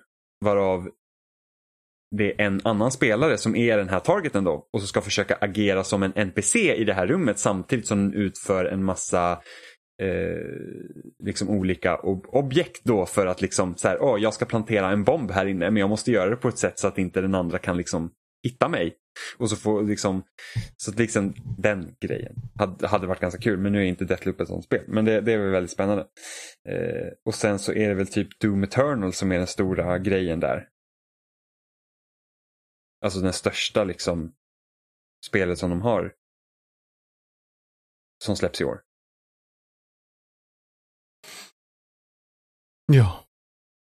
Och det, Ja, alltså det, det var tre spel som fick upp mina ögonbryn lite. Och det, alltså det är ju givetvis Doom Eternal. Det ser kul ut. Jag ser fram emot det. Jag älskade förra spelet. jag, Gillar inte hudden. nej, alltså den ser ju väldigt, alltså jag vet inte vad som har hänt där. Den är skitful det, verkligen. det kändes som att Eh. man liksom kom så här, bara, "Åh, men vet du vad som var kul på 90-talet? Massa grälla färger i konstiga proportioner på skärmen. Ja, och jag menar i, sitt i, sin kontext kanske det fungerar. Jag vet inte, vi får se hur det blir. Alltså det, själva spelet det ser, jävligt roligt ut. Det, det ser ut som mer Doom och jag vill ha mer Doom så att det ser jag fram emot. Och det är även eh, Deathloop eller vad det hette. Ja, ser men, jag fram emot. jo men alltså, jag måste bara, med Doom, alltså för att vi spelar ju en del multiplayer i höstas. Och så tänkte man det ska bli kul att se vad de gör med multiplayer i Doom Eternal. Och hoppas att man liksom tar bort de här loadoutsen och, och eh, typ kör, ja, men, gör det mer som en shooter från 90-talet. Att det var så att hej, ni startar på samma villkor och sen så får ni liksom slåss som power weapons. Och sen så gör de någon typ så här att ah, vi har typ demoner mot en spelare, eller hur var det? Eh, två demoner mot en spelare. Jättekonstigt. Det lät inte ens kul. Jag hoppas att det finns ett mer klassiskt deathmatch-läge. Alltså. Det låter inte som det. På sättet de pratar om det. Eh, nej, Det var liksom jag typ, det vet. här är det är därför jag säger det. Ja, så så det var jättemärkligt. Verkligen. Men sen var det också ett eh, eh, tango... Visst heter de tango? Ja, Tango Gameworks. Så. Deras nya Ghostwire spel. Tokyo. Mm. Och det var det tredje spelet som jag kände kan bli intressant. Jag gillar, jag gillar studion. Jag tycker att uh, Evil Within-spelen är... eh, de har sina dalar, men de har sina toppar. Jag tycker tvåan är ett riktigt bra spel på det stora hela. Och eh, jag gillar japansk skräck. Och det, men det är också ett sånt spel som vi vet väldigt lite om, annat än att man ser, det utspelar sig i Tokyo. Eh, man ser massa folk bara försvinna, typ uh, leftover style och eh, det finns monster, spöken. Hon, uh, Ikumi Nakamura som presenterade spelet tillsammans med Shinji Mikami, hon, hon, jag tror att det var hon som designade Bayonetta. Mm. Uh, har även jobbat med uh, Okami. Så att är en legend. Um, jag för mig att hon sa att det inte är liksom den typen av survival horror-spel som studion är känd för. Så att, Jag hoppas det är mer Silent Hill än Resident Evil 4. ja, jag med. För att eh, de har redan gjort liksom sitt Resident Evil 4 två gånger nu. Så att det, men och medan hon sa det att det inte är vad de liksom brukar göra så förklarar hon inte vad det är. Så att Mm. eh, nej. vi får se. Men, men det skulle vara kul liksom att köra ett skifte med bort från att hela tiden det ska liksom vara så stridsfokuserat och liksom försök få in det på ett annat sätt. Mm. Så att man liksom, för att det, det tror jag är så man hittar också nya spelmekaniska lösningar är att man liksom säger okej men nu, nu ser det ut, alltså nu har, nu har vi gjort det här så himla mycket och alla andra gör precis likadant. Hur kan man tänka om det? Och det är något som har hänt liksom inom typ, ja men som Resident Evil 7 till exempel var ju var inte lika mycket stridsfokuserat även om det liksom utvecklades och blev så efter ett tag i spelet men så var ju mycket mer liksom att lugnt och metodiskt och tittar man liksom på indiespel inom skräckgenren som typ spel som Outlast och Amnesia och Layers of Fear och sådana grejer så är det också det liksom på ett, försöker man liksom hitta ett annat sätt än att du liksom ska slåss. För att, för att när man kan slå tillbaka så till slut så slutar det ju vara läskigt. Mm. Det är väl liksom egentligen den största utmaningen för skräck överlag. Liksom att när går gränsen till att det faktiskt inte är läskigt längre och då har man liksom tappat det lite mer eller mindre. Om det inte är det man liksom går mot. Så jag tycker typ Alien Isolation är ett bra exempel som går från att vara fucking jävla skitläskigt och helt nervkittlande förkrossande till att bli liksom så att ah, men nu har jag den här eldkastaren så jag kan i alla fall göra någonting annars hade det varit skitjobbigt. till exempel. Eh, och sen fick vi se lite mer från Wolfenstein. Och det är väl liksom, och, där, och som det är med alla Wolfenstein så är man alltid lite rädd när man ser trailerserna för det är typ så här bara, ah, men alltså förstår ni varför Wolfenstein är speciellt och det är inte all action, du vet. Det är alltid lite, för det var samma sak med tvåan. Jag var så här, alltså när jag ser de här trailersna på tvåan, det är så här, ah, det, ja, alltså, det är inte därför jag spelar det här. Och Youngblood. Jag tyckte av, avteckningstrailern för Wolfenstein 2 var väldigt story-tung. Jag kommer inte ihåg, jag kommer bara ihåg att jag såg någon trailer. Jag var såhär, mm, du vet, det där är inte vad jag vill se. Och så har det varit för Youngblood nu också. Youngblood löper ju risk att vara mer sånt som man inte vill ha bara för att det är ju inte trean. Det är ju en spin-off mer eller mindre. Uh, och, ja. Jag är inte jätteintresserad faktiskt. Alltså, ja, ja, ja, jag har inget jag, jag, jag kommer ju spela det, men det är ingenting som jag sitter och verkligen rålängtar till just nu. För att det är liksom, det är inte en fortsättning på storyn. Alltså, uh, vet, jag, jag, det är det som är så knasigt med det här spelet, för att kommer trean utspela sig potentiellt efter Youngblood? Eller är Youngblood det ens känns canon? konstigt i så fall. Liksom? Det är jättemärkligt. Så att jag, jag vet ja. faktiskt inte. För att det är så, hur, ska man, hur ska man gå efter det här spelet? Men annars är konceptet intressant när det ska vara Blaskowicz barn och grejer. Så det, det, det kan de göra intressanta grejer med. Men annars, ja. Det var, det, det Bethesda liksom, det var, det var lite som annat, det var ganska tamt. Doom, Deathloop, Ghostwire. Det har inte mm. varit så mycket skräckspel. Om vi säger typ uh, Blair Witch på Microsoft. Vilket var weird.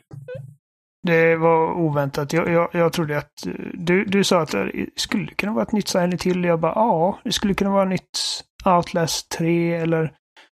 Och så var det Blair Witch och eh, jag tänkte... Inte, det kan bli lite hur som helst det där spelet. Jag tänkte Blair Witch under trailern också. Jag tänkte men det, det, ja. det, det, ska ju ingen göra spel på nu. Så jag det tänkte, jag tänkte liksom... när snubben stod i hörnet typ.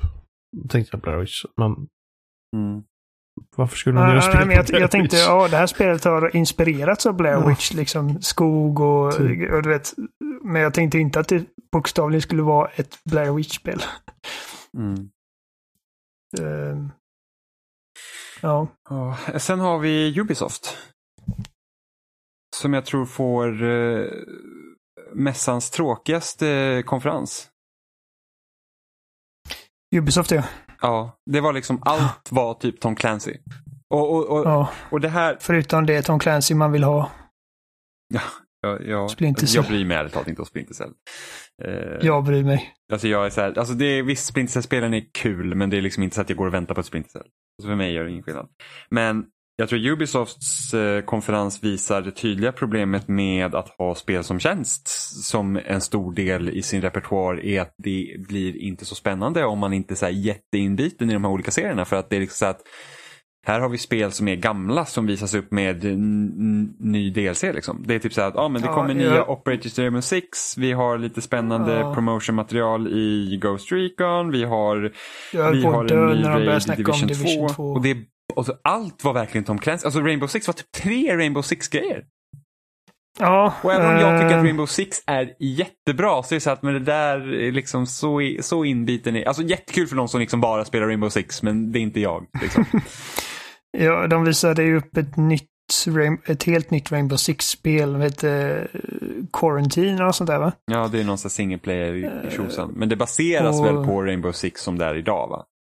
Det är väl alltså, kommer typ vara de operatorsen och det. Skulle, skulle inte förvåna mig Nej. ifall det körs på samma motor och...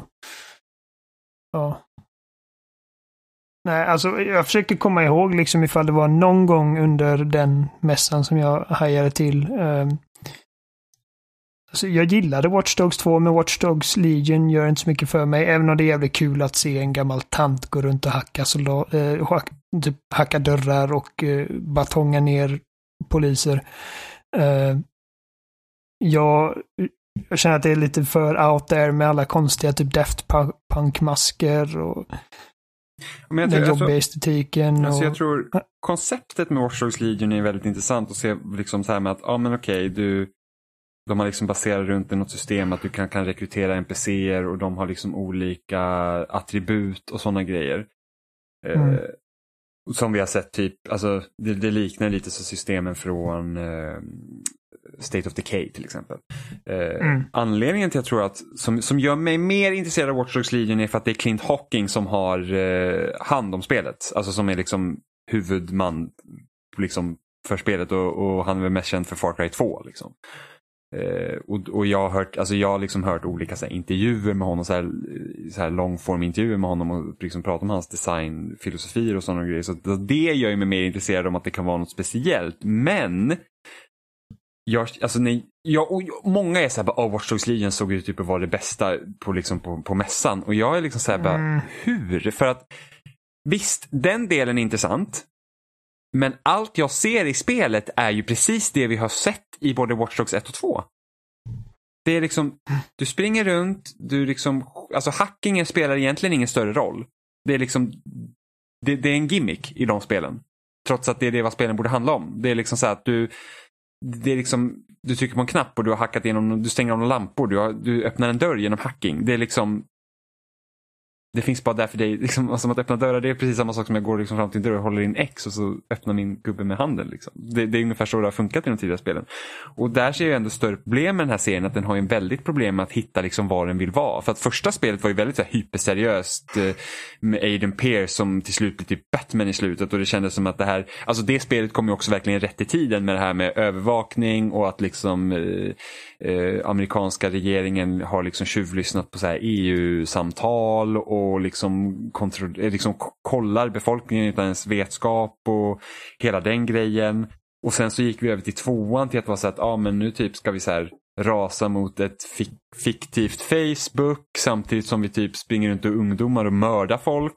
Och nu är det liksom straight up liksom post-Brexit i Storbritannien där vi har en stor så jävla övervakningsfirma som liksom har typ bara kollar befolkningens liksom minsta lilla grej samtidigt som vi har ett företag som säger att de gör icke-politiska spel. Ja, mm. vilket bullshit. Vilket, och det roligaste är som om man lyssnar på vad Yves Germo säger i slutet av den här konferensen så är det allt liksom, det går ju helt emot vad liksom att de inte ska göra politiska, för han säger liksom rakt upp att spel är ett sätt för oss att uttrycka oss, att utforska mänskliga beteenden, att utforska liksom mänsklig kreativitet det är ju helt tvärtom mot att säga att vi inte mm. gör politiska spel. Och där tycker jag ändå att, eh, och nu ska vi se vad heter han nu då som skriver för Waypoint, eller ja numera Vice Games. Åh eh, oh, gud, kommer jag inte ihåg vad han heter. Han är i alla fall jättebra. Eh, och han säger det att vi ska inte sluta fråga oss om spel är politiska eller inte utan man ska börja analysera spelen. För att oavsett om du säger att du inte gör ett politiskt spel så, så värderingar och sånt går ju alltid in i spel man gör. Som vi, om vi tänker liksom att alla krigsspel som kom under förra generationen där liksom, som utspelar sig i Mellanöstern så är det, ett, det, det är liksom en direkt konsekvens av 11 september till att, vi liksom, till att USA har, har utfört krig liksom i den här regionen och vi ser liksom muslimer som hotet. Det är ju en direkt konsekvens av att hur krigsspelen utformades på det. Till exempel. Eh, så att ja. Austin Walker heter han. Eh, från Waypoint. Eh, så att det är liksom så här att Nej men alltså Watch Dogs är en konstig serie för att man vet inte riktigt. Alltså den, den liksom, alla tre delar ser ut att vara väldigt annorlunda från varandra och det här är ju typ någon så här Hotline Miami Saints Row blandning liksom. Vilket inte alls tilltalar mig. Jag bara ser att det där är liksom Watch Dogs som är, typ, som är bara ännu goofigare och det är absolut ingenting jag känner att jag vill ha. Även om liksom själva konceptet med den här NPC-grejsimojsen är intressant om man verkligen gör Alltså man verkligen bygger hela systemet på den, precis som typ Shadow Mordors Nemesis-system är jätteintressant. Det är inte tillräckligt wacky för att det ska bli kul på det sättet som Saint Row är. När man kan slå ihjäl en typ eh, AI, jag vill säga, en co-op-partner med en stor rosa dildo. Ja, och det var kul i ett uh, spel. Ja. det, var liksom, det var Saints Row 3, det var kul i det spelet. Sen har inte jag spelat Saints Row efter det för att det har vi gjort en gång. Inte liksom. jag heller. Nej. Uh, Den där stora jätten alltså det, med Inget av det de visade gjorde mig ens lite sugen faktiskt. Nej. Det bara känns så familjärt också. Om man bara bortser från liksom vad som är nytt med spelet och tonaliteten och allt det där. Det bara ser ut som ett Ubisoft-spel. Ja, ja men precis. Det är det, alltså, det är det jag ser. Det där är Watchdogs. Och allt det som ja. gör Watchdog Watchdog är, tycker inte jag är roligt. Oavsett om man kan spela som Agda 85 och slå ner fascister liksom. Ja, alltså det, det, har ju sin, det har ju sina meriter att man kan göra det. Men jo men ändå. Men liksom det räcker det inte hela vägen. Nej, för det är liksom så här att Alltså jag vill ha någonting mer, alltså jag känner bara att jag också skulle vilja ha något som är mer seriöst liksom. Som faktiskt skulle kunna liksom skildra de problem, alltså nu kanske det kanske gör det, kanske jättebra, skildra problemen som finns med liksom övervakning och grejer och sånt. Men i, av, av tidigare Watchdogs att döma så räcker inte det ända fram. Och jag säger ju inte att liksom här att det är samma sak heller, liksom att det, det liksom blir det, är liksom, det blir för mycket av en fars, känner jag. Och det, det känner jag är jättetråkigt. Så att jag, jag, jag ser inte heller liksom att Watch Dogs League, även om det är jätteambitiöst den liksom hela NPC-grejen. Och jag hoppas ju att spelet blir bra men alltså vad det jag såg så var att jag förstår inte folk som tycker att det här är typ det bästa skiten sen skivat bröd. Det, det liksom, det, det. Men visst, alltså folk får ju tycka om det men alltså jag, jag spelar för mycket Ubisoft-spel för att känna mig såhär att ah, det där kommer vara helt nytt.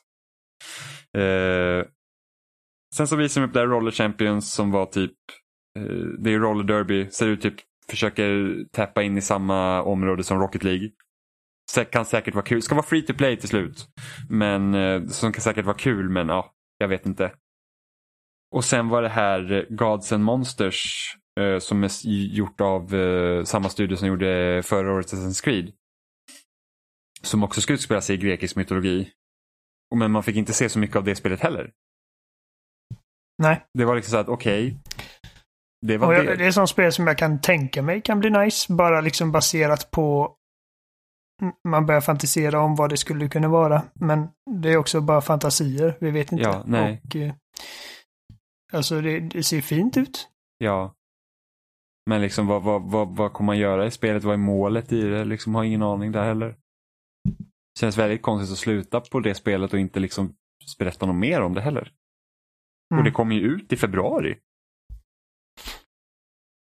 Så det är väldigt många spel som kommer ut i en nära framtid som inte fick liksom så här, man inte har något hum över vad det egentligen är specifikt för typ av spel. Så det är alltså ett spel utvecklat av Odyssey-teamet. Ja. På mindre än två år.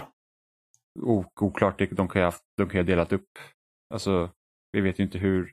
Vi vet ju inte ens vilket scope det är på spelet heller.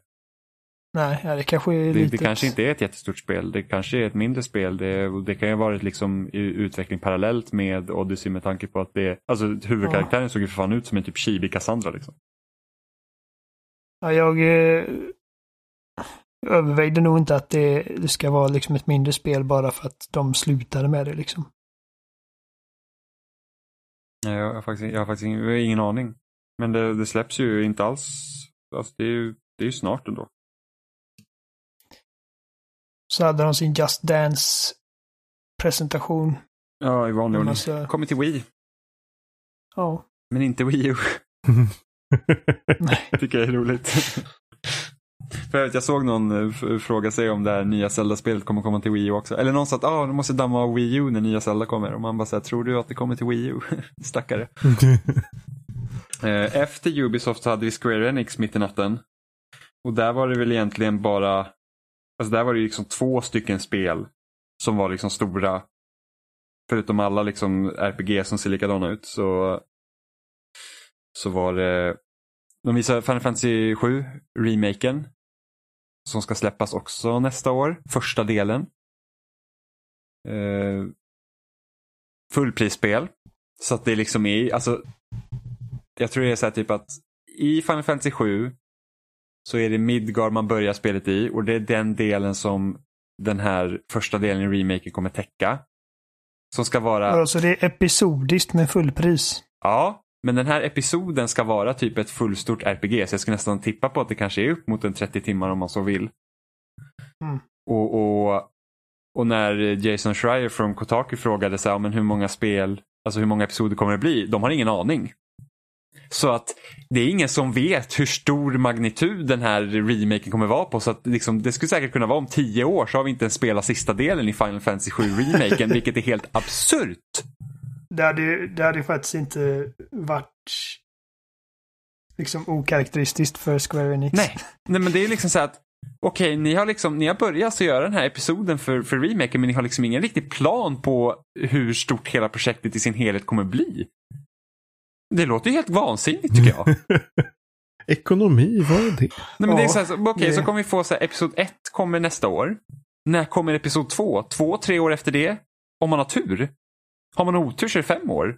har man riktig otur så är det tio år innan episod två. Det är liksom så här, så att det, det är liksom så här, alltså det låter helt, det låter helt galet i mina öron. Jag är liksom bara så här, wow, alltså det, ja. Det, det är, liksom, är det här nästa Half-Life 3? Liksom, kommer det vara så att vi är 20 år tillbaka, sen bara, ah, när kommer sista episoden av Final Fantasy 7? Och liksom Square Enix bara, vi hoppas att ni har glömt bort det vid det här laget. Spela, spela den här eh, PS1 remaken, eller remastern som släpptes på alla konsoler. Gör det istället. Det ser, jag tycker det ser helt jätte, alltså det ser fantastiskt ut. Jag tycker det ser, alltså det, det är en väldigt genomarbetad remake men alltså det är liksom så att Jaha, när kommer det vara klart sen? Alltså, jag såg en jätterolig bild när de har gjort så här, typ en Blu-ray-box med Final Fantasy 7-episoden. Så står det PS4, PS5, PS6 på lådan. Så vi kommer inte ens få spela klart det. Så det, ja, det, är, det, det är helt, helt vansinnigt. Men, men det, det, ska bli kul att se vad det blir för någonting. Jag, jag funderar på om jag ska spela originalet av Final Fantasy 7 innan remaken. Bara för att man liksom sett hur det ser ut innan. Eh, och sen nästa stora liksom, spel som var för deras del är ju Avengers-spelet. Som vi fick se för första gången. Och Vad är våra tankar kring det? Ja, Oj, ursäkta. jag skulle, jag, jag skulle säga att jag är oroad över det projektet. Det, det, Det ser inte bra ut. Nej, men alltså, det, inte bara det, det, vi, alltså, det visades så... In, det ska komma ut i maj nästa år, de visade inga gameplay. De är väldigt luddiga i hur spelet är. För det är liksom ja, episk story, single player och co-op och spel som tjänst med multiplayer. Och ingen vet riktigt Ja, hur. vad, vad ska man, hur funkar spelet? Eller vad ska, byter man mellan karaktärer? Väljer man en karaktär? Jag fattar ingenting. Vet, vet inte. Det har de inte sagt. Det har de inte sagt, men du kommer, du kommer kunna liksom customisa din Avenger, vem det nu är. Va? Det, det, Ja, och du kan få loot. Ja. Och, och, och av Alltså- alla som har varit liksom och sett så här, bakom stängda dörrar och sånt, och säger liksom att alltså, de har fler frågor om projektet än, än svar liksom när de är klara. De bara säger ja, jag har fortfarande liksom ingen aning om hur allt det här kommer fungera eller vad det ska vara eller vad är fokuset. För det låter liksom att det ska vara lite allt på en gång. Och liksom vad då kommer det släppa? De bara, ja, men det kanske kan spelas som de här Avengerserna i framtiden. Och bara, ska det komma en ny story eller hur? Va, liksom? Och sen tycker jag att karaktärerna ser, alltså proportionerna är jättemärkliga. Ah, Det ser inte bra ut. Och, alltså, och just det, här, det, det är också svårt att bortkoppla MCU, givetvis. Jo, men, Mentalt. Men, men när man sätter så här, Men alltså man sätter typ Captain America från Avengers-spelet bredvid den, det liksom Chris Evans Captain America liksom som två människor. Då ser ju Mm. spelkaraktärerna ser ju liksom, alltså de ser ju inte ens ut som människor. De ser jättekonstiga ut. Jag Men, just också att de har valt att köra på liksom, ja förutom Hawk, Hawkeye då, så är det liksom exakt den rolllistan som från första Avengers-filmen. mm. Vilket gör att man liksom direkt i huvudet jämför dem. Jag kände, kände flashback till uh, förr i tiden när, när licensspel var lite annorlunda mot vad de ofta är Ja, idag. det ser jättekonstigt ut. Och alltså, bara, liksom, bara det här att det är typ... Ja, du kan köra ensam. Det, var, det sa de om Division också. Liksom, när, man behöver säga det att du kan köra solo, då är det liksom bara en enorm röd flagga för mig.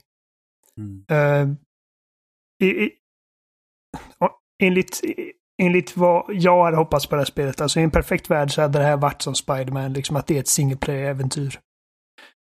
Eh, Fast Där man får liksom köra lite olika karaktärer, bla bla. Jag, jag förstår liksom att ja, konceptet med ett co-op-spel med The Avengers är, det är givetvis alltså någonting ju, som många... jag vill ju återuppväcka vår lilla idé för Watch Dogs 1 till liv här. som jag tycker hade fungerat jättebra för det här spelet. För att alla Avengers gör lite olika saker under olika tidpunkter. När det fortfarande kunde vara på Mm. samma uppdrag, man har två olika mål beroende på vilken man Avenger man är i ett co-op-spel. Och om det då ska vara spel som känns med en liksom större värld så hade det absolut varit möjligt. Hittills är det typ bara Rockstar som har gjort det i GTA 5 med sina heists. Där spelare faktiskt haft Mm. olika äh, roller under uppdrag och fått vara på olika platser. Men, men jag gillar tonen i spelet. Jag gillar liksom den storyn de vill berätta. För att det känns som att de tar det bästa delar från MCU. Och, jag, och det här är ju säkert något som händer i serietidningar hela tiden. Men jag läser inte serietidningar eh, av den sorten. Så att eh, det låter oklart. Så jag jämför bara med filmerna nu. Men det här med liksom att Captain America dör. Och, och sen så liksom det blir liksom spänningar mellan Bruce och eh, Tony Stark. Liksom det här med att ja, men Mm. vi, liksom, vi är också farliga och bla bla. Så att liksom, hela den biten lyckas de, de lyckas ju ta de, de intressanta aspekterna som jag gillar med MCU verkar vara i spelet. Men liksom Ja, anledningen jag bara till önskar att det var liksom in, insaml eller inknutet i ett liksom single player-spel. ja, männi- och människorna hade gärna fått se ut som människor. Alltså jag tycker alltså, det ser så jävla konstigt ut. Det ser jätteweird ut. Det ser, det ser liksom... Så- Men jag älskar Troy Baker och jag älskar Nolan North. Ja. Och jag, eh, jag älskar liksom många karaktärer som Laura Bailey har varit i. Men alltså de tre, Laura Bailey, Nolan North och Troy Baker är liksom bara de mest liksom... de är allt. Ja, men jag undrar om det är Så därför att jag, jag kommer har- liksom inte, jag kommer inte höra Tony Stark prata, jag kommer höra Nolan North prata och jag kommer inte höra Bruce Banner prata, jag kommer höra eh, Troy Baker prata. Men jag undrar om det därför inte var att se spelet tidigare för att det har varit problem under utvecklingen. Ja, och med fyra olika studios. Va? Jag vet att det var Ja, det- Eidos och eh, Crystal Dynamics som är huvud... Eller det är Crystal Dynamics som har huvudansvaret va? Och sen har Eidos Montreal vet jag helt till. Ja, jag, jag kommer inte ihåg exakt hur. Jag såg någon tweet på om det var Disney när de sa typ här är de fyra team som har varit med och gjort Ja. Avengers. Ja, en, en fick göra Iron Mans överkropp, en annan fick göra hans underkropp. Det förklarar en del. Alltså, det, eh, nej, alltså det ser inte bra ut. Eller, det, det ser väl inte... Alltså, det, ser både, ja, det är både och. Det är liksom vissa grejer så bara, det där är precis vad jag vill ha och andra grejer så bara, jag vet inte. Det känns väldigt märkligt. Och väldigt inriktat mot MCU-publiken alltså. Här, Marvels Avengers represents a worldwide collaboration. After several years of top secret development our teams are thrilled bla bla bla bla. Det är Square Enix med Crystal Dynamics. Det är liksom en bild på alla då. Hur många som helst. Och sen har vi de var det det är Eidos. Nixis. Och Crystal Northwest. Ja, ja, men det är väl Crystal Dynamics och Eidos Montreal då, som har liksom största grejerna där medan de andra är med väl kanske support. Alltså bara... Jag tyckte det var intressant med spelets officiella liksom... Eh, vad ska man säga? Inte synopsis men eh, sammanfattning. Officiella beskrivningen bara Marvel's Avengers is a unique take on these super... I, no, icon, iconic superheroes including Captain America, Iron Man, the Hulk, Black Widow and Thor. This character-driven story celebrates authentic Marvel heroism and humanity in a cinematic campaign filled with single-player and co-op missions. Unlock powerful skills and new gear to build your ideal version of Earth's mightiest heroes. When combined with original fan, fan favorite and classic outfits, there are nearly limitless playable customized blah blah. Bara ungefär som att det är liksom en looter shooter nästan. Ja, Thor är jätteful. ja de ser den. Han har jättefult skägg och hans överkropp ser ut att vara gigantisk. Även Captain America och Black Widow är fula. Jag behöver mer kan jag säga Ser ett, ett, ett dåligt skägg. Ett fult tv-spelsskägg. Alltså jag är inte övertygad och det är synd. Mm. Hjälp. För efter Spider-Man kände jag liksom att ja, det, det här kan bli bra. Ja. Och sist ut är Nintendo. Som jag tycker Mm. har konferensens bästa, nej, mässans bästa konferens. Ja, men eftersom de är konferens. Eftersom de är verkligen helt förinspelade. Eller på liksom, och, och de, de har gjort det så mycket nu. De gör det ju ofta också med deras Nintendo Direct. Så känns det som att de har lärt sig mycket. Uh, Ja, däremot det så var ju bra- förra årets Nintendo var ju hemsk. Ja. Visste du att det finns Extremt optionsmeny i Smash, Johan? Visste du du att använda. rösterna är olika på vissa olika skins? Det, nej, men alltså, jag tror att Nintendo hade bra blandning mellan trailers och spel. Alltså när man såg att det var liksom gameplay i trailerserna också. Vissa hade inte, vissa hade. Så man liksom fick en ganska bra hum om vad det var för någonting. Eh, Alltså delar av, av deras eh, prestationer, eller prestationer också som jag var helt ointresserad. Men Eh, På samma gång var det flera delar där jag var intresserad, vilket gör att andra människor förmodligen var intresserade, jag inte var intresserad. Så det kändes som att det var... De hade blandat Mm. mycket. Och vi fick ju två, två nya hjältar i Smash. Vi fick Dragon Quest-hjälten. Med massa olika skins från olika Dragon Quest. Vilket är, alltså så här, en till svärdsgubbe. Känns för kanske inte riktigt vad Smash behöver ha. Eh, och sen fick vi ju Banjo Kazooie också. Vilket hade, ja det blir liksom, där blir Microsofts eh, liksom fingrar med i spelet. Jag- Jag såg, jag Mm. såg liksom den här lego, guldiga legobiten. Jag bara, vänta, va? Ban, nej, eller va? Eller jag förstod ingenting. Och sen så... och hela avslöjandet var så bra. Ja, Jag gillar den med Donkey Kong och Diddy och... Vad fan heter den? King K. Rool. alltså man ser ju Ligger och söver och sen så... Man, man ser ju vart Rare har varit med sina fingrar. Alltså, alltså Ken K. Rool är så jävla ful och Banjo Kazooie tycker jag också är rätt så jävla fula. Alltså. Ja, de är rätt Med fina. ögonen och skit. Alltså man bara, ja. Ja, men Det har det, hänt mycket till Sea of Thieves, den saken är säker. mm, men det, jag tycker det är härligt på något sätt att Microsoft ens... På ett sätt är det... Alltså Ni- Nintendo är ju förmodligen allt jobb. Och på ett sätt så blir det bara... Alltså det blir gratis reklam. Ja, eh, och det känns ändå passande för att Banjo liksom föddes på en Nintendo-maskin. Mm. Ehm, Så Så, jag- det är lite som att komma hem antar jag. Så jag hade ju Men, eh, fortfarande förväntat mig Minecraft Steve. Ja. Det, det finns hade jag tid. känt var roligare. Det finns tid. Jo, jag vet, men det är så här, tror du verkligen två, två från Microsoft? Det, vad var det? det är fem stycken hjältar i det här Battle Pass. Så att vi har fått, vi vet om tre då. Vi har Joker från Persona 5 som har kommit ut. Och så har vi hjälten från Dragon Quest och sen har vi Banjo Kazooie. Annars har vi nästa Smash-spel. Jimmy. Men det, det är jättelångt. Kommer det ens hända? Men alltså, de kommer ju aldrig mer kunna göra ett Smash där de inte har alla med. Det kommer ju kännas fattigt när man går till nästa Smash och så bara, ah, kommer alla vara med? Nej. Jag vet. Liksom. Men det är liksom, sen så måste det finnas någon gräns också. Nej, inga gränser. Jag ser bara möjligheter. Ja. Eh, och så fick vi se Luigi's Mansion 3. Det ser mysigt ut. Det ser väldigt mysigt ut. Jag, Jag eh, ser fram emot det. jag med. Jag, alltså det, det är roligt med Nintendo för att de har så, de, de har alltså, de hittar på en spelidé och sen så gör de spel på det. Det är liksom så att, ja men det här med, liksom med GameCube-spel, så bara, men vad är det om Luigi skulle jaga spöken med sin dammsugare? Och sen så satsar man på det liksom. Har det- ingenting med plattform att göra Nej, liksom. nej och det var så himla, och sen det, det är bara så kul när Luigi är så jävla rädd och går runt och bara Mario. Och så visslar han. Ja, och- ascharmigt är det. Och sen så tycker jag om den här idén med liksom hotellet. För jag får liksom så här, typ spökhotellet med Eddie Murphy-vibbar Ja. över hela. Så att det är liksom de så här, Och jag ja, gillar att varje våning på det hotellet verkar ha en väldigt så här egen liksom, estetik till sig. Som att det var någon våning som var liksom typ gotiskt borginspirerad. Och sen så är plötsligt var man typ i en filmstudio. Mm. Eh, de, och att det finns de liksom... lyckas till och med få mig intresserad Ja. av multiplayer också. Eh, Ja, just det. Man kan ju styra eh, han Guigi. Ja, och så var det, de hade Nej. multiplayer-läge upp till åtta spelare. Ja, man ska typ jaga Mm. spöken tillsammans och lösa gåtor och grejer. Ja, jag tycker det ser jättecharmigt ut. Alltså, jag, jag blir glad bara när jag ser det. Mm. Och s- Eh, inget releasedatum än, även om det stod Nej, kommer jag 2019. vet, så inget releasedatum. Undrar om det är, Det är weird, undrar alltså. om det är december då? Ja, för september var ju Link's Awakening. Ja, vilket ser helt fantastiskt Mm. ut.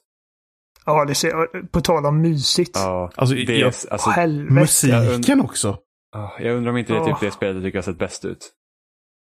Det ser, alltså det, det ser så fruktansvärt jävla mysigt ut att att man bara dör. Ja, jag bokade Collector's Edition faktiskt. Mm. Så jag ska på jakt efter den där Amiibon också, den vill jag ha. Men... Jag har inte köpt en enda Amiibo. Jag känner att liksom, det går inte att köpa bara en. Nej, jag Ja, känner faktiskt samma sak. Jag, jag, jag vågar inte. Ah, nej, Ja, men jag jag, väljer ut specifika jag vill ha. Jag har, jag har, Ocarina of Time Link, jag har Wind Waker Link, Wind Waker Zelda. Sen har jag Mega Man, Samus från Metroid 2. Har du inte jättestora. Yoshi? Jag, har- jag, jag, jag har jättestora Garn-Yoshin och sen har jag två små Garn-Yoshi också. Och sen har jag den här eh, hunden från Animal Crossing och Bowser Junior. Ja, mycket pengar. Nej, men jag har fått några också. Sen så köper man dem på det. Men jag vill ha Squirtle Amiibon alltså- och jag vill ha Link eh, Awakening Amiibon. många är jättefina, de där Amiibosarna, och det är det som är farligt alltså. Jag vägrar Eh, köpa, det- jag vägrar köpa Amiibos med en påle uppstucken i röven alltså. Mm. Det ser så jävla fult ut när de måste ha det där stödet. Det tycker jag förstör allt. För de ska ha någon häftig Nej, pose. jag vägrar köpa någon Amiibo. Jag fick en på ett Nintendo-event en gång, eh, Splatoon. Oh, kul. Eh, Ynkling, men eh, ja. Men, det, men dock har jag hört att det spelet körs dåligt. Det chuggar i overworlden. Ja, jag trodde det var en streamgrej, men Nej. jag tänkte fan vad det laggar till. Nej, de som såg det funkar Mm. jättebra när du är typ inne i byggnader och sånt. Men så fort du går ut i overworlden så laggar det och hackar. Vi hoppas att Konstigt. det... Det sporet borde inte vara liksom jättekrävande tycker man. Alltså alla shaders som, allt som, som gör att det... Ja, men det är Ja. samma sak med kanske en äldre bild också. Så man vet inte om det är fixat. Ja, nej, men det får man hoppas att de fixar. Och Witcher Ja, 3 ser fram kommer till det. Switch. Ja, Ja, fan var det? Körs i 570p eller något sånt. 540, Oj, ja. han där lägger- Det såg så jävla suddigt ut. ja. Men, det- att det ens fungerar är liksom det är helt... skit. Det är skithäftigt. det ska, vara- det ska ta Alien 32 Isolation gigabyte. Ja. Ja, det är helt, det är, det det är, det är fascinerande som fan. Faktiskt. Eh, Ehm, Animal vi Crossing. s- Ja, precis. Jag, jag, jag hade till och med glömt bort att det skulle släppas i år. Så jag reagerar inte ens på att det flyttas fram. Hela chatten, jag kollar på YouTube-streamen. Hela chatten bara Åh, fan jag bryr mig inte om det här, jag vill ha Animal Crossing, Animal Crossing. Så jag tänkte alltså det här är en big deal. Och jag har liksom flera gånger sagt liksom, när jag pratar med dig Jimmy, jag bara ska nog kanske testa Animal Crossing New Leaf. Du bara jag tror inte det är för dig. Så jag bara nej, okej, kan någon förklara för mig vad som är så jävla speciellt med Animal Crossing? Alla blir helt galna Ja, på det det. är helt fantastiskt. Liksom. Gå och gräv, gräv hål i, i gräset och få upp små stenar och så säljer du dem. Och sen, för jag kollade på någon gameplay-demo av spelet, det nya. Ja. Och sen så gick hon och liksom högg ett par träd med en yxa. Inte högg ner träden utan bara högg lite i dem så att det ramlade ner några ekollon och vad fan det var. Och så flyttade hon sin säng i tältet. Och jag bara, vad är grejen? Alla säger att det är så jävla bra och jag, liksom, jag är nyfiken men jag förstår inte. Men det är mysigt. Det går egentligen ut på att man ska uppgradera sitt hem och man samlar möbler och så inreder man. Det är liksom det och så tjänar man pengar. Eh, jag har ju ofta sagt så här, så ända sen, jag älskar Animal Crossing redan från liksom GameCube. Och så Wild World och så New Leaf. Jag spelade aldrig det till Wii. Men jag känner liksom att det, det, har, det har skett för små förändringar för att det slutar alltid i samma sak. Att man står där och fiskar på de där regniga dagarna för att få så mycket pengar som möjligt så man kan betala av den jävla äckliga tvättbjörnen som skuldsätter den för livet. Så det är liksom men nu, nu i det här spelet så verkar man kunna crafta egna möbler och grejer. Så det, de har liksom lagt till ett till element och det är ju rätt så kul för att jag hade inte ens tänkt på det. För jag kommer ihåg jag skrev med Thomas eh, innan E3 så skrev jag så att ja, jag hoppas att det finns fler sätt att tjäna pengar på så att man inte bara behöver gå och fiska i all evighet. Men alltså att man ska kunna crafta liksom och samla material och sådana grejer. Det känns ju som en, en väldigt bra, bra tillskott för den serien tror jag. Mm. För att då blir det liksom, ja men fiska så behöver jag här för att kunna göra det här och lite sådana grejer. Så då blir det mer så att man, det handlar inte bara om att tjäna pengar utan det handlar om liksom att man får liksom arbeta med olika grejer för att få det man vill ha helt enkelt. Och sen gillar jag, gillar faktiskt Nintendo när de liksom tappar in i hela den här typ memfabriken kring deras serier. Det här med att Tom Nook är ett jävla pengatörstande svin liksom. För de visar det i slutet av trailern, typ såhär, då han ger något till det. Sen så bara det blir 48 000 bell, så bara nej. Jävla gris till tvättbjörn. Faktiskt. Ehm, men jag ser väldigt mycket fram emot Animal Crossing. Synd att det Ja. blev framflyttat till nästa år. Men eh, samtidigt, det kommer så jävla mycket spel nu i höst så att det är väl lika bra det. Jag känner också det. Det blir 2020 års EBUS-projekt. Ja, och sen så känner jag så att hade Animal Crossing släppts på vintern, vill man spela Animal Crossing det första man gör när det är snö? Nej. Vår och sommar är mycket bättre. Det känns tycker som ett Just sommarspel. det, du körs ju i realtid va? Ja, precis. Det gör det. Släpptes inte New Leaf också på den tiden? Jo, jag tror New Leaf kom i juni tror jag. Eh, Wild World kom i mars har jag för mig. Eh, Animal Crossing till GameCube kom i september i Europa. Ja, det känns mer passande med vår faktiskt. Mm. Ja, det är tråkigt att gå in direkt i hösten, alltid brunt och skit. Mhm. Eh, sen så visar de mer av Pokémon. Och inte för att vi fick veta så mycket mer om Pokémon här, men det kom ju en direkt med Pokémon precis innan E3 också. Eh, där de visade så att då, då blir det ju faktiskt Pokémon lite mer av det vi hade velat ha. För det finns ju en stor del i, av världen som liksom, där Pokémon roamar fritt. Och du kan röra på kameran så att det ser ut som att det är en större uppgradering än vad man först eh, trodde från den initiala revealen. Ja, det kände jag också. Det är den, den korta saken de visade. Uh, att det verkar som att det är liksom ett, ett, verkligen ett steg åt det där liksom stora spelet.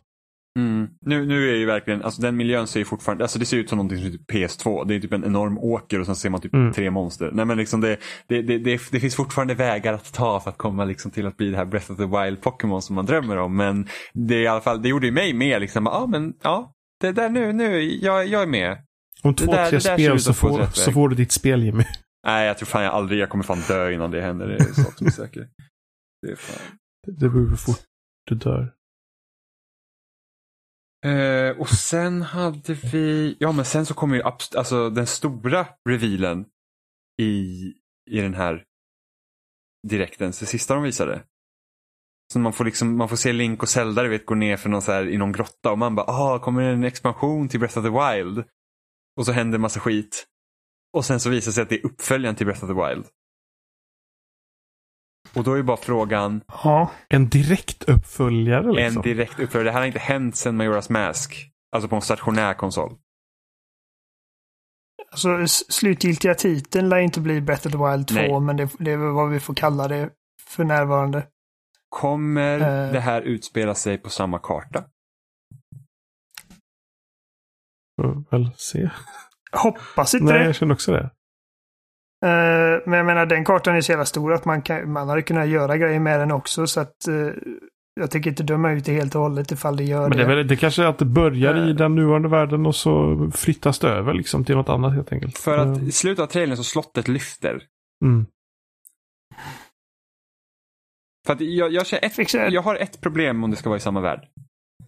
Och det är det att Breath of the Wild fokuserade så himla mycket på att upptäckandet var liksom kärnan i det spelet. Det var liksom Mm. Du, du, ska kunna gå, alltså, har man samma karta igen då blir det så att men jag har ju varit här redan. Så det, då, måste ja, man, då måste man lägga om fokuset så himla mycket så att då, då får det inte vara den här, då, då, måste man göra det mer, smalna av det och, och göra det mer eh, fokuserat på det. Liksom att, och jag antar att tempel och sånt kommer komma till där men annars så, ja.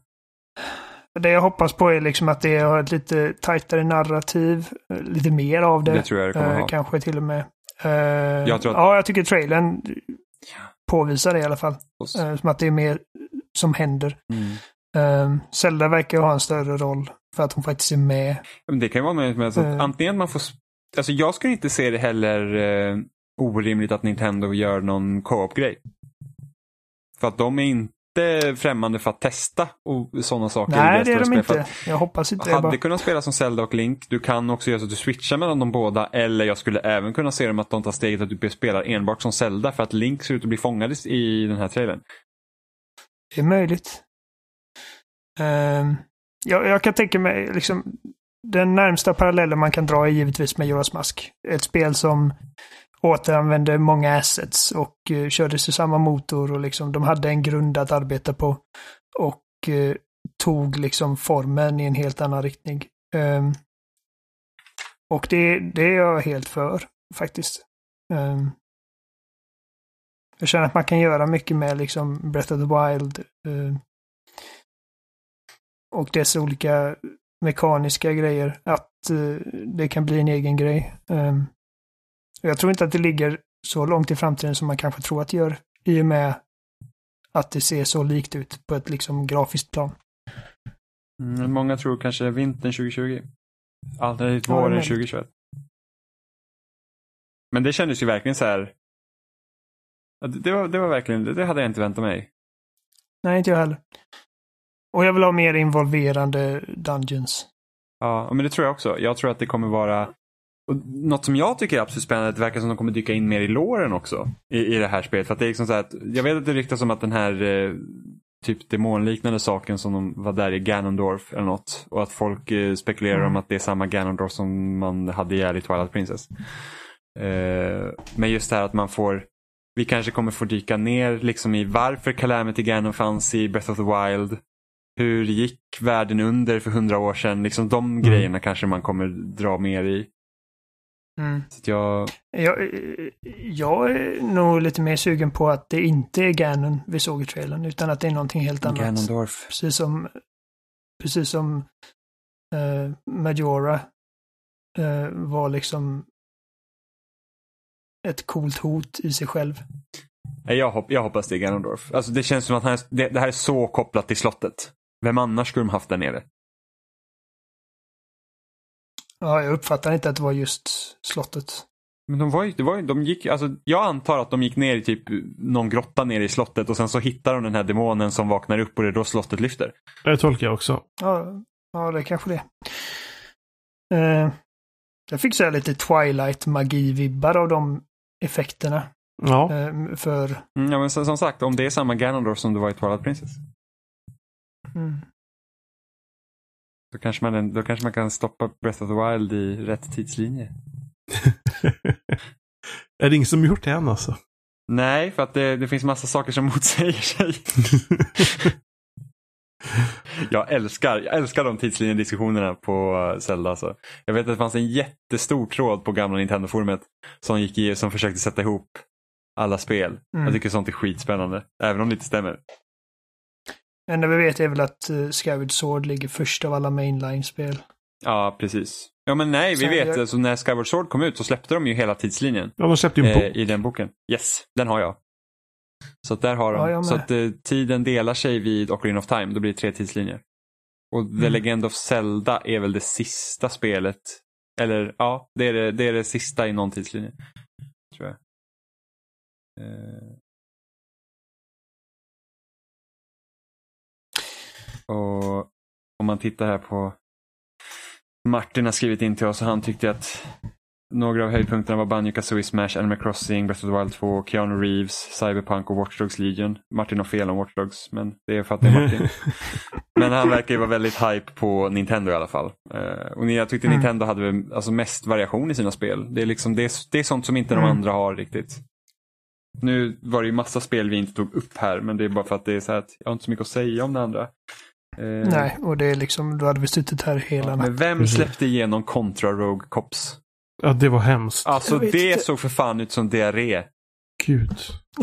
Nej, men alltså seriöst, alltså det, det var liksom så att nog för att en Twin Stick Shooter kan vara kul, men det där såg fan riktigt illa ut alltså. Ja, det, det var inte vackert. Nej, verkligen inte. Det var, alltså det är liksom så att man kan inte ens förstå vad, vad hade det att göra egentligen på en konferens? Jag, det liksom så här, shit. Det var bisarrt.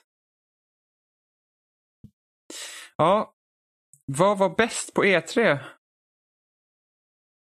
Alltså jag har fan svårt att säga vad jag tycker var bäst. Det brukar, jag brukar ha liksom ett ganska tydligt spel som verkligen bara, ja det där, det där verkligen sålde mig. Men i år var det liksom ingenting av det som visades fick mig att tappa andan direkt. Jag, tror- jag tror inte jag har liksom en sak, men jag var liksom... Jag älskar liksom eh, när de visade Lego-expansionen till Forza. Eh, jag diggade trailern till Halo-spelet. Och sen på Nintendo så var det liksom mer av Link's Awakening. Eh, och jag blev taggad på Animal Crossing. Ja. ja, jag tror fan det är Link's Awakening för mig också. Så jag gillar ju de här, alltså hade, hade, hade Microsoft liksom satsat mer på att man skulle få se mer av de här mindre spelen de hade på sin konferens så hade jag kanske, för jag tycker den här, alltså den här Way to the Woods tycker jag ser jätteintressant ut, 12 minutes ser jätteintressant ut, men det är så här att, ja. Det är inte, det är inte på samma sätt som Sable förra året. När det, när det spelet, man bara såhär, vad är det liksom? Wow. Eller det här eh, pixelaktiga cyberpunk-spelet som visades för typ två, tre år sedan. Som man inte har hört något sedan dess. För att det verkar som att han som har, Last ja, night just va? det, för att eh, han som har skapat spelet verkar vara ett svin. Gamergatare, du säger det mesta. Mm. Usch. Så, ja. Sen vet jag inte om han ändrar sig efter det, men det är liksom så här, det råder inte gott. Var typ att när han gjorde demo på det spelet så var det så bara, ah, när alla feminister har tagit över världen och män är förtryckta. Och man bara, okej. Vad är det spelet handlar om? Vid en tidpunkt så ja, gjorde det. Så att det är ju, ja, förstår. Ja. Jobbigt när man förlorar Nej, sina nej, men, sagt, jag, jag, medan ni har pratat än så har jag försökt komma på liksom någonting som verkligen